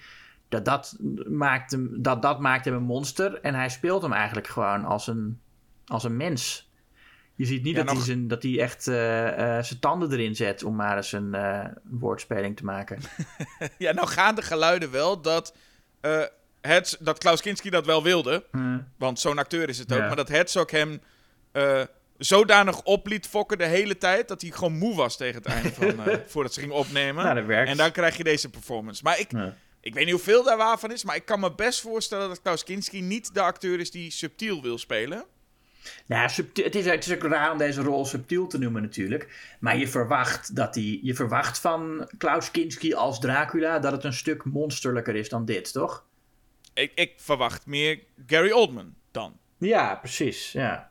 Maar dat is het niet. De ga gaandeweg is het ook dat hij een heel, heel mooi monoloogje heeft... waarin hij echt heel goed verkoopt hoe kut het eigenlijk is om een vampier te zijn. Ja. En het is heel mooi dat je echt voelt, hè, wat we, we hadden het erover met The Lost Boys. Dan is het hoe leuk is het wel niet om Mhm. een vampire te zijn. Eh, en hier is het echt heel duidelijk hoe ongelooflijk kloot het wel ja, niet dag is. in Je dag ziet- uit dezelfde futiele dingen. ik pikte dat wel. En dat is natuurlijk wat we bij het origineel iets minder meekregen. Van hoe, hoe, hoe erg Orlok eraan toe was. Mhm. Eh, en hoe erg het voor hem zou moeten zijn. Ja, nee, dat, dat zit daar. Je hebt in, in, het, in het origineel helemaal niet het idee dat het oorlog überhaupt een innerlijk leven heeft. Hij bestaat gewoon alleen om ellende te veroorzaken. En hier is hij inderdaad iemand die een. eh, Ja, hebben ze hem een, een, eh, een persoonlijkheid gegeven. Ja. Ehm, en dat, ja, dat wordt dan vaak als iets heel goeds gezien. En dat is het misschien ook wel. Maar, nee, ik bedoel, dat wordt vaak gezegd als reden dat deze film superieur is aan het origineel. En dat, eh, daar eh, ga ik dan niet in mee. Niet, weet je, meer diepgang in een personage is niet per se meer diepgang in de film. En is ook niet per se meer beter. Het is, weet je, ik, als, als puur monster is ook heel interessant. En kun je ook heel veel mee, eh, zoals de eerste Nosferatu laat zien. Uh, maar het is, het is goed hoor, dat, dat Herzog de, de, een andere kant ermee opgaat. En van het ultieme monster ook ja, vooral een tragisch figuur maakt. En toch merk ik, als we dan Orlok verschijnt in de gang en slaapkamer eh, bij Jonathan, merk ik nog steeds, het is nog steeds creepy. Dus dat lukt wel. Ja, nou, hij heeft ook een soort zijn, zijn lichamelijkheid. Ik denk vooral aan de scène waarin hij net eh, het bloed van eh, Jonathan heeft gezogen. En dan daarna komt hij nog een keer op hem, op hem afgelopen en, en dwingt hij hem zo een beetje in die stoel. Ja, klopt. Dat is wel heel mooi. En het, dat is, dan heb je ook, juist omdat hij zo menselijk is, maakt dat, hem, maakt dat het ook voorstelbaarder. Dus eigenlijk, de, de, de, de stille versie is heel, echt, echt een andere wereld. Maar hier kun je je echt voorstellen dat het. Dat er zomaar zo'n man op je afkomt. Eh, hè, omdat het ook. eh, Herzog filmt die scène toch redelijk eh, down to earth. Best, best wel hè, gewoon, gewoon realistisch. Gewoon recht toe, recht aangeschoten. En, en ja, Mhm. en Kinski heeft hem ook genoeg een mens gemaakt om het overtuigend te maken dat je hem zou kunnen tegenkomen ergens.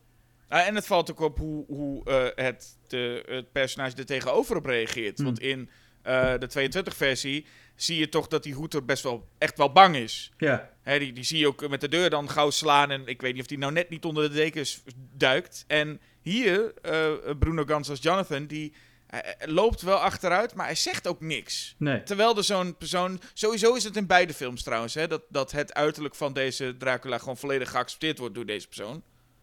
Ja. Ehm, je ziet nergens in dat ze denken van. Wat een eigenaardige uiterlijk. Het wordt gewoon. Daar staat hij je op te wachten. En je Mhm. denkt. Ai, dat is, eh, Dat is hem. dat is hem. Nou ja, maar dat, dat, dat zou je ook niet doen, toch? Als je, Eh, of, of jij wel. ik zou meteen zeggen. Wat ziet u er raar uit? Wat dan met Ja. le- maar grootmoeder. Ja. Maar het stukje waarin hij ook over, eh, over zijn vriendin begint. Is ook minder grappig. ja. Überhaupt is het ook iets duidelijker, vind ik, dat Orlok Lucy voelt. Want dat is als hij eh, Jonathan voor de tweede keer gaat aanvallen. Ja. Dan, dan, dan voelt hij, dan is er een connectie. ja, precies, ja. En die connectie is eigenlijk al vrij... Voor mij werd de rol van Ellen pas duidelijk aan, in, in de origineel helemaal aan het einde van de film. Maar hier wordt de rol van Isabella Adjani al veel eerder duidelijk. Van, oh, zij gaat een belangrijk iets... Ja, zijn. ook, ook, ook dat personage krijgt... Ja, al die personages krijgen natuurlijk meer eh, vlees aan de bot. In, in, in, in de stille versie is Ellen gewoon een symbool van onschuld en goedheid. Dat is eigenlijk alles wat ze is. En hier is ze... Ja, Isabel Adjani krijgt meer te doen... en krijgt ook wat meer eh, seksueel verlangen richting het einde. Ehm, en, en ja, nee, is, is, gewoon eh, ja, een, een, meer, eh, eh, een meer driedimensioneel personage. Maar dan vind ik het toch... eh, op sommige momenten lijkt het toch alsof Herzog dan... toch nog een beetje de stille film wil. Want hij wil soms ook dat zij iets representeert. Dat zij ergens symbool voor staat en niet helemaal een personage is. Heb ik het idee. Nou, als ze gewoon de, dezelfde dialogen eh, doen als in het origineel. En, en, en dezelfde shots als in het origineel. Ik er zijn gewoon een paar shots waarin je haar ziet. En het is dan ook gewoon hoe ze belicht is. Dat ik ook, ja, toch wel het idee krijg dat de, de, de eenvoud van, eh, ehm, van het expressionistische film maken, zeg maar de eenvoud in representatie van dingen, uh, benaderd wordt. En ik vind dat je op die momenten dat Herzog echt dichter bij het origineel zit qua stijl, dat je dan echt merkt waarom zwart-wit en zwijgend soms veel beter werkt dan kleur en geluid. Ja, je ziet duidelijk wel een verschil met, met Herzog die dicht bij het origineel blijft en waar die echt zijn eigen ding aan het doen is. Ja. Een, een, een, voorbeeld vind ik van echt Herzog die zijn eigen ding aan het doen is, is dat dat jongetje dat dan viool speelt in het kasteel. Ja, dat is heel mooi. Dat is heel mooi. Dat, zo, zo hoort een remake eigenlijk te zijn. met, met, met jongetjes die viool spelen. Nou, als dat, elke remake zou dat mogen hebben. Ja, nee, zeker. Ja, nee, tuurlijk. Ja, nee, het is, kijk, er zijn, er zijn remakes die puur uh, uh, als cash-in gemaakt worden. En dit is er duidelijk niet zo een. Dit is echt een remake die duidelijk vanuit een artistieke noodzaak uh, gemaakt is. Net zoals The Fly en The Thing. Ja, en je, en je zei inderdaad dat sommige dingen zijn zwart-wit. in het kasteel is alles heel erg grauw. Mhm. En kijk je naar buiten, dan is zijn die, die, die, die bomen die zijn knal en knalgroen. Ja. De, de kleuren die, die laat hij ook uh, soms dus enorm van het scherm afspatten. Uh, bijna, bijna een beetje hammerachtig. Ja, maar, maar, maar uh, ja, in, de, in, in, in dat gebied wel. Maar in Delft niet, toch? Nee, daar wordt het ook weer grauw. Ja, want ik zat ook te denken, ligt er dan aan anders... De, het kan ook nog heel erg verschillen welke versie je dan uh, kijkt natuurlijk. En hoe je beeldscherm is afgesteld. Mm -hmm. Want ik, ik, ik, ik vond het uh, inderdaad in, in, in, in de scènes die dan in Duitsland zich afspelen... ook een heel grauwe film. Maar inderdaad, als we naar Transylvanië gaan... dan is het, het natuurgroen uh, wel duidelijk te zien. Maar goed, laten we inderdaad naar, uh, even weer naar Delft, Delft terug. Mm -hmm. En daarvan zie je ook dat al de weg ernaartoe...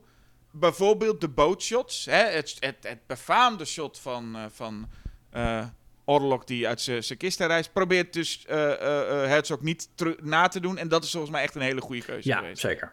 Wat ik wel merk is, als ze eenmaal terug uh, zijn... Ik, ik, vond het in, in, die, in die eerste film al wat komisch, maar hier nog meer als Orlok met die kisten gaat lopen rondzeulen.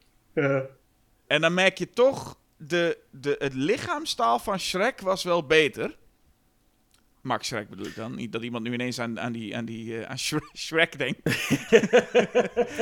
ja. Maar um, uh, is, is, je hebt een paar momenten dat Orlok gaat rennen. Op een gegeven moment gaat Orlok ook naar haar op zoek. En dan gaat hij ook rennen over zo'n plein daar in Delft. En dan heeft hij toch zo'n stom Jack Sparrow-achtig re rennetje wat hij daar doet. Oh, dat is mij niet opgevallen. Ik wist toen definitief, oké, okay, Orloks moeten niet rennen. Dat zeggen ze van zombies, maar daar ben ik het niet mee eens. Zombies mogen voor mij heel hard rennen. Maar, maar Orloks, die moeten niet rennen. Die moeten, dat, dat, dat, die moeten de Max Shrek loop doen. Nou, oké. Okay. Ja, het zijn sowieso die scènes waar hij uh, naar, dat, naar zijn huis gaat. Hè? En daarvoor is dezelfde locatie gebruikt als in, het, uh, als, uh, als in de originele film. Dus de, de, de, de, de Salzspeiger in Lübeck in Duitsland.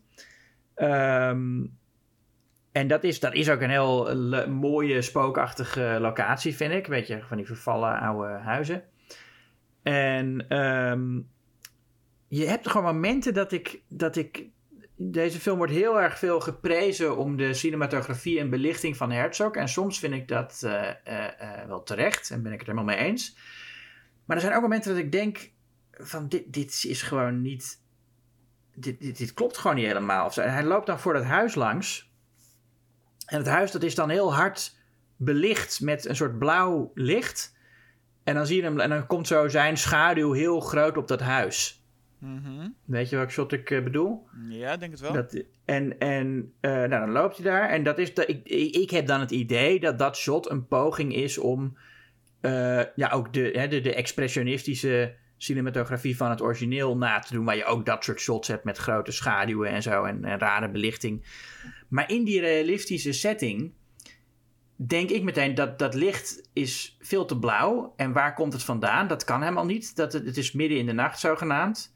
Kijk, dat, die, die day for night scènes in het origineel, waar dan gewoon uh, blauw is, dat kan ik accepteren in de droomwereld van stille cinema. Maar als ik in een, in een min of meer realistische setting zit te kijken en ik zie een nachtscène die zo enorm fel blauw belicht is, dan denk ik, wa- wat, wat, eh, wat, wat gebeurt hier? Het, het, sowieso moesten ze waarschijnlijk zeggen, alsnog zeggen... we moeten iets met een schaduw doen.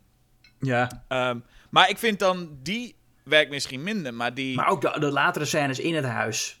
Ik vind de scène waarin eh Orlok verschijnt in de spiegel bij eh, Lucy... vind ik echt heel erg goed. Ja, oh ja, die is, ja, die is goed. Ja, zeker. En daar zie je inderdaad ook een soort schaduw op haar afkomen. Mhm.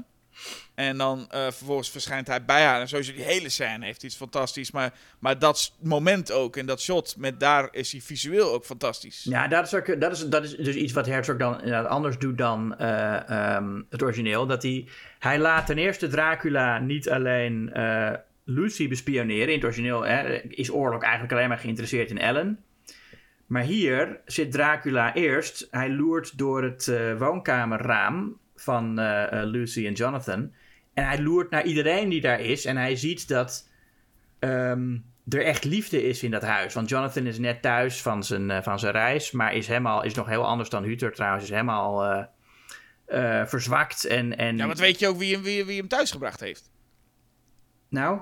Ja, John Leddy heeft hem thuisgebracht. Oh, nou. Koos Dobbelsteen heeft, even, heeft, heeft Jonathan even afgeleverd bij zijn, Ja. bij zijn huis. Nee, zie ik had, ik had, ik had, ja, nee.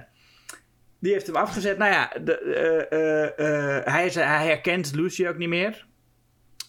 En Dracula die, die loert door het raam naar binnen en die ziet hoe zorgzaam zij is en, en dat- hoe ze echt om hem geeft. En wordt daar ook jaloers op. En het is niet alleen maar haar schoonheid of haar nek waarin hij geïnteresseerd is, maar ook de liefde die zij te geven heeft. Ja. En dan gaat hij ook met haar praten. En dat is natuurlijk ook iets wat in het origineel helemaal niet gebeurt. Nee, maar dat is ook een fantastisch een moment. En ik vind ook dat, dat Isabella Gianni heeft ook iets heel... Of Lucy dan in dit geval heeft iets heel moois, spookachtigs. Ja. Eh, eh, en ik vond het ook mooi, ze jaagt hem dan ook weg... door haar hals te laten zien. Wat, wat hij zo mooi vindt. Mhm. Ook deze oorlog is eh, dol op nekken, Ja. halsen. Maar dan laat, hij haar, laat ze haar hals zo verleidelijk zien... en dan hangt er zo'n kruisbeeldje om, zijn, om haar nek. Ja. Maar ik vind haar, zij heeft een hele, een hele interessante vibe. Het, het, het, het gaat me wat Morticia Adams of Elvira gevoel. Ja, Adjani is sowieso een heel, heel interessante actrice. En ze heeft ook wel echt wat van die actrices uit de, uit de stille films. Die, eh, eh, ja, een soort spookachtige schoonheid. Het is ook fijn, vind ik, dat ondanks dat we het net al hadden over dat Ellen in, in, in, het, in, in de eerste film ook een, een, een, een hele heroïsche rol heeft. Ik vind het dus fijn dat zij, Lucy dus in dit geval, een nog veel actievere rol lijkt te hebben in deze film. Ja. Want inderdaad, die Jonathan die herkent haar niet meer. Het is bijna een soort, wat ik ook wel mooi pijnlijk vond, dat hij haar dus niet meer herkent. Een soort Alzheimer-effect van dat hele vampier zijn. Ja. En, en dat, dat zij dus het moet gaan oplossen, dat weet je nu. Dus zij is echt Mhm. gewoon die hele soort derde acte, is zij de, degene die het moet gaan doen. Ja, ze gaat op onderzoek uit. En dan komt ze op een gegeven moment ook hier de pest even voorbij. Ja, eh, ja, dat is hier nog ook een veel groter eh, eh, onderdeel van de hele situatie. Ja, met, met echt wel een, ik vond het een prachtige scène, dat zij, er wordt dan feest gevierd tussen de lijkkisten. En, eh, en dan is er een, een, een soort van fancy dinnerparty. Is er is echt een heel, heel luxueus etentje tussen de ratten. Ja. Het is een heel mooi, absurd tafereel. Wederom iets waar je echt ziet... Oh ja, hier is eh Herzog echt iets nieuws aan het doen. Ja, het is een droomscène. Ja. Ehm, en het, en het, Maar het is geen droom, toch? jawel. Is het ook echt een droom? Ja, ze schrikt toch wakker na afloop van die scène. Oh, dat, dat, ik, ik, had die, ik had die niet eens Ik had elkaar echt als, ik interpreteer het in elk geval echt als droom. En dat de reden voor die droom is dat zij, eh, zij ziet hoe, wat er aan de hand is. Zij weet dat, dat Dracula de boel aan het eh, verstoren is, zeg maar. En dat hij verantwoordelijk is voor al die dooien. En zij probeert mensen te waarschuwen, maar mensen luisteren niet naar haar. Oh. En daarom heeft ze, volgens mij heeft ze daarom die droom dat mensen met de pest feest zitten te vieren en, eh, en op, het, op, het, de, op, het, op, het, op het grote plein van Delft een luxe etentje organiseren. Ja, het is heel gek, want in, in, in heel veel films zou je een scène als dit natuurlijk als droomscène bestempelen. Maar hier, ik, ik vond hem er ook gewoon goed tussen passen als zijnde. Ja, dit, dit, Nee. dit is, het is alsof je een David Lynch film kijkt en halverwege echt bij een scène zegt... Ja, dit is wel een duidelijk een droom, hè, dit. Het is allemaal een beetje Ja. in die nee, sfeer. tuurlijk, Dus ja, het- het allemaal. Maar, ze, maar je ziet haar vlak na die scène zie je haar wakker schrikken. Wat Ah, ik interpreteerde als dat was een droom. Dat, wa dat was een droom. Ja. Oké, ja. Maar het is echt een hele mooie droomscène. Ja, ja, ja. En ik vind Eh. ook ja, die bergen met ratten die er rondlopen in, eh, in de stad. Ja, die zijn allemaal wel dood nu. Die zijn sowieso allemaal dood. Toen waren er ook al een heleboel dood die er gekomen zijn. Ja. Ik vind het wel echt heel mooie shots hoor. Ik vind echt die enorme hoeveelheden ratten eh, die daar rondlopen. ehm, en, Maar het en- was niet de moeite waard. Nee, het was zeker niet de moeite waard. Want wat er gebeurde, kwamen allemaal ratten uit. eh, witte laboratoriumratten had Herzog uit Hongarije laten komen. En die waren bij het vervoer, was al helemaal, helemaal niet goed. Want ze waren eh, de dagenlang zonder eten. En ze waren elkaar aan het opeten toen ze aankwamen. En toen wilde Herzog ze allemaal eh, verven. Want ze waren allemaal wit. Hij wilde bruine ratten hebben of grijze. Ook dacht dat ze juist wit wilden hebben trouwens. Maar Nee, ze waren wit. Hij wilde ze juist eh, eh, de donker hebben. Of grijs. Nee, ja, oké. Hij wilde ze een andere kleur hebben, ja. Ja, en daarvoor... En Maarten van het Hart was daar dus bij. En die, en die zei van, nou ja... eh, die was al geschrokken van hoe die ratten aangekomen waren. En die zei toen... ehm, die verf, die gaan ze er meteen allemaal aflikken. Maar goed, hij heeft Herzog niet naar geluisterd. En hij heeft ze toch allemaal laten verven. En dat moest door ze eerst in kokend water onder te dompelen. Waarbij er ook al heel veel dood gingen. En toen moest die verf erop. ja. En toen gingen ze inderdaad, zoals Maarten van het Hart voorspeld had, allemaal dat aflikken, waardoor ze ook nog eens vergiftigd raakten. Eh, en Maarten het Hart heeft toen, is toen weggegaan, eh, omdat hij niet meer betrokken wilde zijn bij, eh, bij een film die zo met, met dieren omgaat. Heeft, Herzog heeft vaak dingen met, met dieren. Hè? Heel veel van zijn films, het lijkt een soort hobby van hem om, eh, om dieren te martelen. In Delft mochten ze dat met die ratten niet filmen. Ja, Toen is hij dus naar Schiedam gegaan. daar Schiedam zijn de ratten welkom. Daar zijn ze, daar zijn ze iets minder kritisch op, eh, op de regels. eh. Nou ja, het Maar- is natuurlijk wel wat. Want je hoeft maar één rat te ontsnappen. En je hebt binnen de kortste keren. Of nou, twee dan. En je hebt binnen de kortste Ja, keren. een, eh, nee, maar goed, dat is allemaal verschrikkelijk wat hij gedaan heeft. En, en, en hij heeft, en ik moet dan al- altijd denken aan Grizzly Man. Waarin hij zo zit af te geven op de natuur. En zegt: Weet je wel, als ik de natuur zie, zie ik alleen maar vreedheid. En. eh, en dat is misschien ook wel de reden dat hij niet eh, geeft om, eh, om, om het leed van dieren.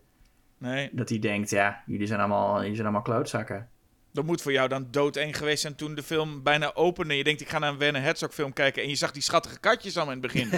ja, ja, precies. Ik ben nou dan begint toch even te op knijpen. alles voorbereid met onze Werner.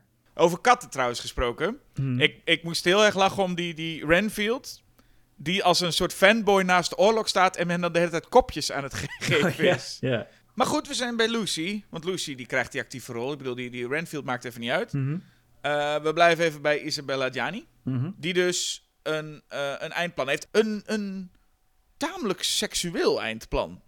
Veel seksueler dan die in, de, in 22, zeg. Eh, nou ja, ja, ehm, dat, nou ja, kijk, in, de, eh, eh, ja, omdat het nu meer kan natuurlijk. Eh, maar nee, het klopt wel dat zij inderdaad, nee, dat is waar. Ellen in de originele versie is volgens mij niet aangetrokken tot eh oorlog.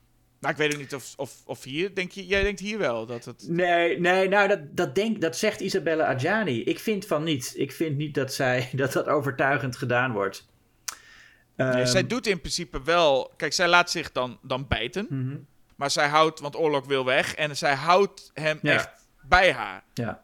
Is dat een veel directere, actievere keuze natuurlijk. ja, nee, precies. Maar, en, maar eh, Adjani zegt daarover, om even dat eh, duidelijk te hebben. Want ik, ik zei net dat zij zegt dat ze tot hem aangetrokken is. Dat is misschien niet echt zo. Maar wel dat zij eh, echt seksueel verlangen naar hem voelt op het moment dat, die, dat ze gebeten wordt.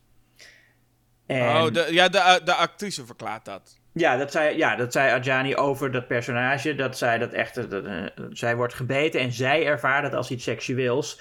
En zij zei toen ook dat zo'n moment nooit eerder in een vampierfilm eh, te zien is geweest. En daar dan heeft eh, Isabella Adjani, ik vind haar geweldig, maar gewoon niet heel veel vampierfilms gezien volgens mij. Want het is zo, zo ongeveer elke eh Hammer vampierfilm eh, wordt het, eh, de beet gelinkt aan seks. En zijn er ook zeker vrouwen die er op die manier van genieten. Ja. Ehm, Gelu- gelukkig is, het, is de mening van een acteur net zo relevant als de mening van ieder ander. Ja, tuurlijk, tuurlijk. Nee, dat is zeker, zeker, zeker, zeker. Ehm, maar je ziet wel dat het vanuit de scène natuurlijk veel uh, seksueler is. Want naast het feit dat, dat Lucy zo uh, hem bij zich houdt, is hij ook, gaat hij, uh, tilt hij haar jurk ook wat omhoog. Behoorlijk stuk. Ja. Nee, en hij heeft zijn, zijn klauw op de borst liggen. Ja, dat was ook iets wat totaal niet nodig is. nee. Dat het in het origineel wel, dat vind ik ook een heel mooi shot als hij binnenkomt. Zijn schaduw die over haar lichaam glijdt en haar hart pakt. Dat is uh, gaaf, hè? Maar goed, het, het, het voelt dus in ieder geval als een hele, hele duidelijke keuze. Nog meer dan in de, in de vorige versie. Als dit is wat uh, Lucy gaat doen om oorlog te verslaan. Ja. En ze heeft hier echt helemaal niks aan, uh, aan, haar, aan haar man. Nee, nee, die man die zit beneden. Nou, in het origineel ook al niet. Maar hier is hij, is hij, zit hij al... Ja, eigenlijk een, een, vampier te worden. Ja. Jeetje. Dat, ja, en dat, dan... Uh, wat zijn er nou voor kruimels om hem heen? Dat zijn... Dat is Iets van een hostie. Oh, van een hostie. Ja, volgens mij is dat het. Dus zij, dat is de, de, de, bij de kerk krijg je dat, hè? Als je katholiek bent. Het lichaam van Jezus. Ja, precies. En als je dus een, een, een hostie zo een beetje kruimelt, dan kan een vampier daar niet langs. Dat zegt ze, ja. Dat zegt ze. Nou, het is ook echt zo. Ja, zo blijkt. Ja, want dan, dan is het uh, inderdaad dat wat leuk is aan deze... Uh, dat, dat, dat oorlog... Uh, hij, ver, hij verdwijnt niet zoals in het origineel, waar hij echt vervaagt na contact mm -hmm. met, uh, met het zonlicht. Krijg je hier. Vind ik, ook, ik vind het ook een beetje een, een te uh, theatraal shot voor deze film of zo. Dat opeens een enorm, enorm veel geel licht de kamer binnenkomt. Om hè, zonlicht moet je het dan voorstellen. Um, en dat is ook een beetje, ja, vind ik ook een beetje te veel een, een, een, een, een andere stijl dan Herzog in deze film meestal doet. Maar goed, dat, dat uh, geel licht en dan ligt Dracula daar zo een beetje verkrampt op de grond. Um, en dan komt Van Helsing binnen, want deze film heeft dus wel een personage dat Van Helsing heet. Ja. Maar die is heel anders dan de Van Helsing in het boek, dus ik vraag me af waarom hij zo heet. Want hij is heel sceptisch aan het begin juist. Hij gelooft Lucy niet als zij vertelt dat er een vampier uh, los is. Mm -hmm. Maar goed, die komt er eindelijk nog binnen, gelooft dan wel wat er gebeurd is. Ziet Dracula uh, verkrampt op de grond liggen en denkt: Ik moet even een staak halen om het uh, definitief af te ronden. En wat grappig is, is dat ze dus in het origineel, nee, 1922, laten voor een effect gaan. Dat hij Ja, verdwijnt. ja. En hier juist niet. Hier is het geen effect, maar is het inderdaad, hij heeft die spierwitte ogen. Wat ik wel een mooie keuze vind. Want Ja, dat, vind- ja, ja. Dat, dat, dat geeft die Klaus Kinski's vampier nog iets extra's. Dat hij helemaal spierwitte ogen heeft. Mhm, ja. Wat ik ook heel grappig vond, en dat Van Helsing dan komt. Wat een beetje nu gezien wordt als de grote held uit de Dracula-reeks. Mhm. Terwijl je denkt, hij komt hier aan en dat ding is al dood. ja. Dus hij, en dan denkt hij van, ik, moet nog even, ik ga er nog even een, een, een, Staak een, houten doen. staak doorheen jassen. Nou, voor de zekerheid. Ja, voor de zekerheid. En, en Lucy heeft net al het werk gedaan. Ja. Dat hij dan beneden komt en dat Jonathan meteen zegt, arresteer die man. Ja. ja, dan krijg je nog wel een, een grappige dialoog van... eh, ja, dus iedereen is dood. Ja, want dan komt eh, binnen. Of het bedoelde je niet hem, als eh, zag je nog een bekende naam staan. Ja. Rijk de Gooier. Rijk de Gooier, ja. Ja, Rijk de Gooier komt binnen en inderdaad arresteert deze man. En dan komt, omdat de pest is geweest, komt, komt er zo'n dialoog met... Ja, maar er is niemand om hem... eh, er is niemand om te arresteren. Nou doe jij het dan maar. Ja, maar er is niemand die op hem kan letten. Ja. ja, precies. Ja, het is inderdaad wel heel leuk hoe ze dan dat probleem nu aan het oplossen zijn. En dan wordt die film wordt opeens wordt echt een soort comedy. In, in, in, aan het einde wordt het een comedy. Dat is heel gek. Dat, dat is grappig. En dan dat Jonathan Harker tegen de werkster zegt van... hé, hey, eh, je ziet toch dat er allemaal kruimels liggen. eh, veeg die eens op. En hoe die dan, zodra er zo'n ruimte is... zo er tussendoor glipt. ja, heel dat is ook cartoonesk. En, eh, Ja. en dan zie je bij hem ook die, die kleine tandjes. Ja, die voortandjes. Ja, de voortandjes. Ehm, wat ook een, eh, een, ra- een raar eh, zwart komisch einde is, toch? Ja, zwart vooral inderdaad. Ja. Echt komisch is het niet per se. Het is wel een, een einde van... Ah, je gaat het verhaal dus... Het einde is hier in ieder geval... Het kwaad is niet per se verslagen. Nee, nee, nee. Het, en, en het offer is voor niks geweest. Het ligt er een beetje aan wat Jonathan Harker nou gaat doen. Nou Want hij gaat er op zijn paad vandoor. Maar ik heb geen idee, wat gaat hij nou doen? Wat, wat, ja, naar, wat- naar, naar de volgende stad. Ik bedoel, eh Wiesborg hebben ze iedereen leeggezogen. Ja, oké. Ik, ik neem aan dat hij gewoon ergens anders naartoe gaat waar ze hem niet kennen. En dat hij Ja. daar dood en verderf gaat zaaien. Nou, dat is wel naar, hè? Ja, narigheid. Ik vind wel, hij heeft, kijk, hij heeft natuurlijk een film gemaakt met eh, eh, een heel mooie film om te zien, grotendeels. Ik vind dus een aantal scènes waarin vooral het licht. Ik vind ook die scène dat Lucy in het huis eh ronddwaalt, s'nachts in het huis van, van, van Dracula. Ze is ook heel fel belicht. ehm, dat je ook echt. En ik kijk, natuurlijk, er zijn Natuurlijk, in, films belicht je eh, dingen in het donker en dan is het niet realistisch, dat snap ik ook wel. Ehm, zoals in, bij, nou ja, maar ik, er zijn heel veel voorbeelden te noemen van nachtscènes die veel, waar je veel meer kunt zien dan in het, in, in, in het echt zou kunnen. Maar er, er zijn dingen waar het gewoon meer opvalt. En ik vind het echt, als, als Lucy daar rondloopt in het huis en je denkt gewoon, hé, er staat ergens een TL-lamp aan. Terwijl het midden, ja, en dat, dat, dat, eh, en juist omdat het niet zo'n, verder niet zo'n expressionistische film is als het origineel, maar juist een film die wat meer een realistische stijl heeft, vind ik dat, eh, vind ik dat een, een, een, een minpunt. En ehm, ik vind eigenlijk ook die hele Klaus Kinski tragische vampier, is allemaal leuk en aardig. Maar uiteindelijk zijn het gewoon twee dialoogjes die hij heeft, waarin hij zegt: Ja, ik heb elke dag eh, hetzelfde leven en, en, en ja, elke dag dezelfde futiele dingen. Zegt hij eerst tegen Harker. En dan zegt hij nog even tegen Lucy van, eh, nou, eh, ik, ik, heb, ik heb geen liefde en kun jij, ik wil dat jij me liefde geeft. En dan zegt ze nee. En, en ja, dat is het. Ik weet niet, ik, ik, ik, ik zou dan meer willen, al- al- als dat de kant is die je opgaat, zou ik daar meer van willen. Ja, ik weet niet. Ik, ik heb het idee dat, dat als, als Max Schreck dat had eh, ge- gedaan, als die dat iets had gezegd, vind ik hem ook, had ik het misschien ook wel gevonden. Want die maakt ook soms wel een, een, een fragiele indruk en niet per se een heel erg, ik ben echt een kwaadaardig persoon. Dus stel dat hij een paar keer van, van die dialoogjes had of monoloogjes had met, met ik ben eenzaam of ik ben alleen of weet je hoe, eh, weet je hoe heftig het is om, eh, om zoals mij te zijn, om eeuwig te leven. Ik noem maar wat. Nou, had ik me datzelfde wel voor kunnen stellen. Ja. Dat kan bij een oorlog, maar ik had dat nooit gepikt bij waarschijnlijk een, een Lugosi of een Christopher Lee. Eh, Dat, je, dat als die een keer een dialoog hadden met weet je hoe eenzaam dit is, denk je, ja, dat zal wel joh. maar ja. ben- ik kon er nog wel sympathie voor krijgen, ondanks dus de... Ja, nou, monster. het is ook niet dat ik... Nou ja, medelijden was het meer. Het is geen sympathie, maar ik was wel medelijden met hem, ja. Ja, en dat is, het is een, een, dat is ook een soort walgelijke emotie, medelijden.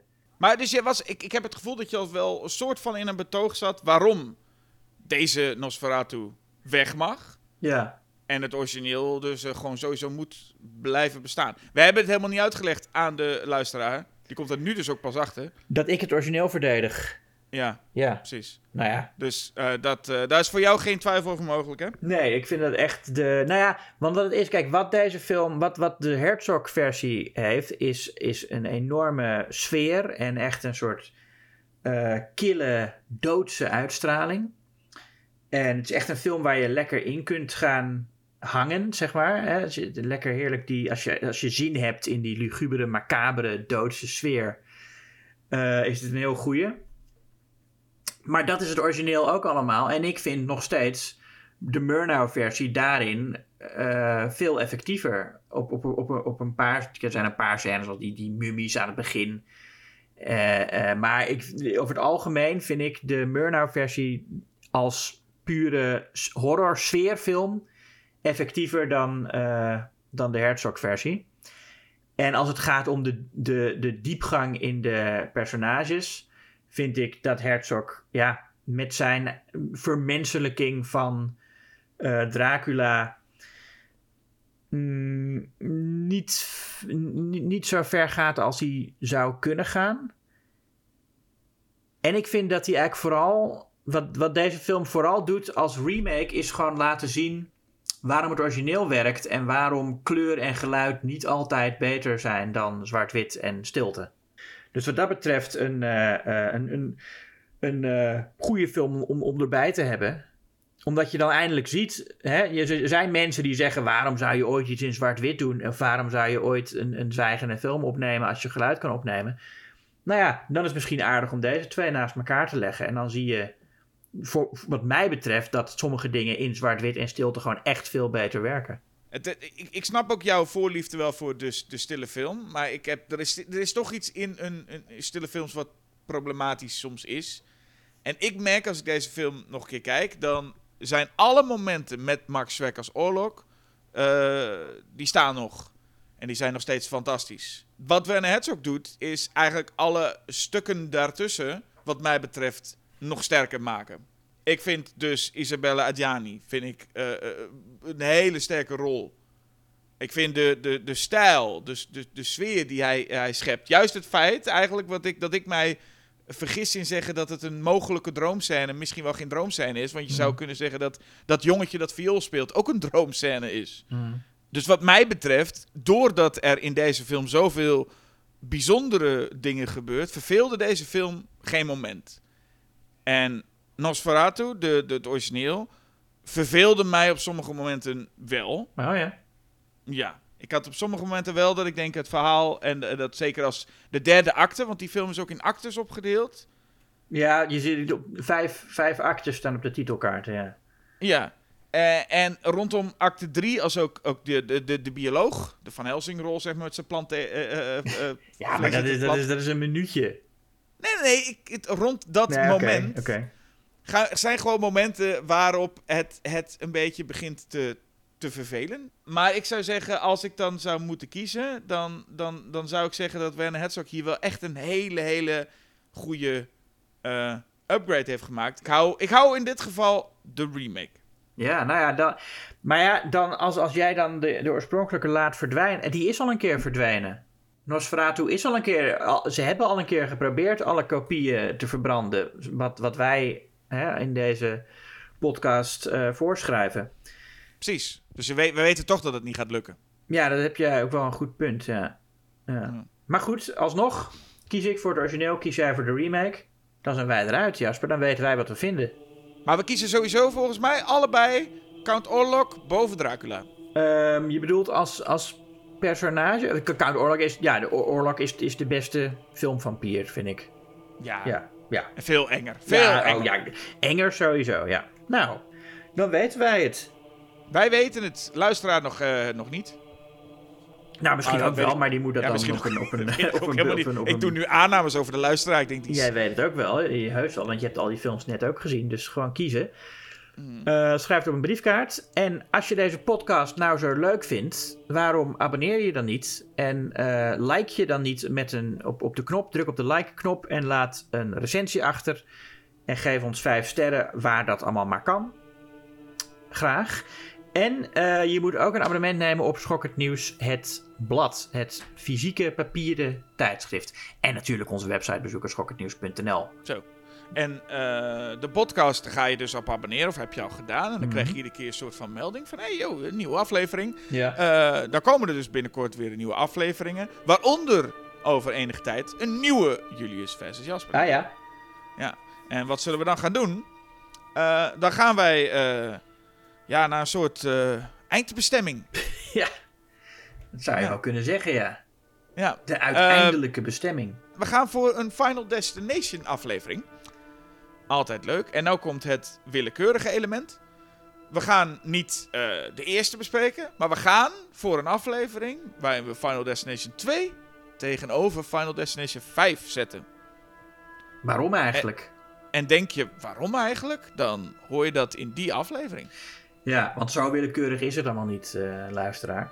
Niks wat wij doen is willekeurig. Zo is het. Wat wel willekeurig is, is, weet je, weet je ken je nog die, ken je ook die, die, eh, die SpongeBob-aflevering waar Nosferatu in verschijnt? Ja, dat is een van de leukste SpongeBob-grappen. En ook leuk hoe ze daarin, want dat is ook een ding, hè, dat ze Nosferatu noemen. Eh, Count Orlok noemt men Ja. ook altijd Nosferatu. Ja, dat is een van... Dat is de, je hebt Nosferatu, Frankenstein, eh, Ratatouille. En natuurlijk dat je Macaulay Culkin Home Alone noemt. Eh, ja, Home Alone, ja.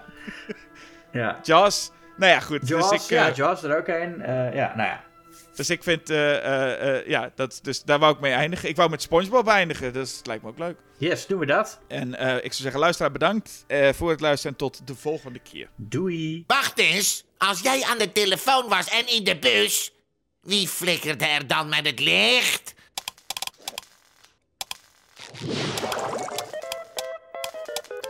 Nosferatu!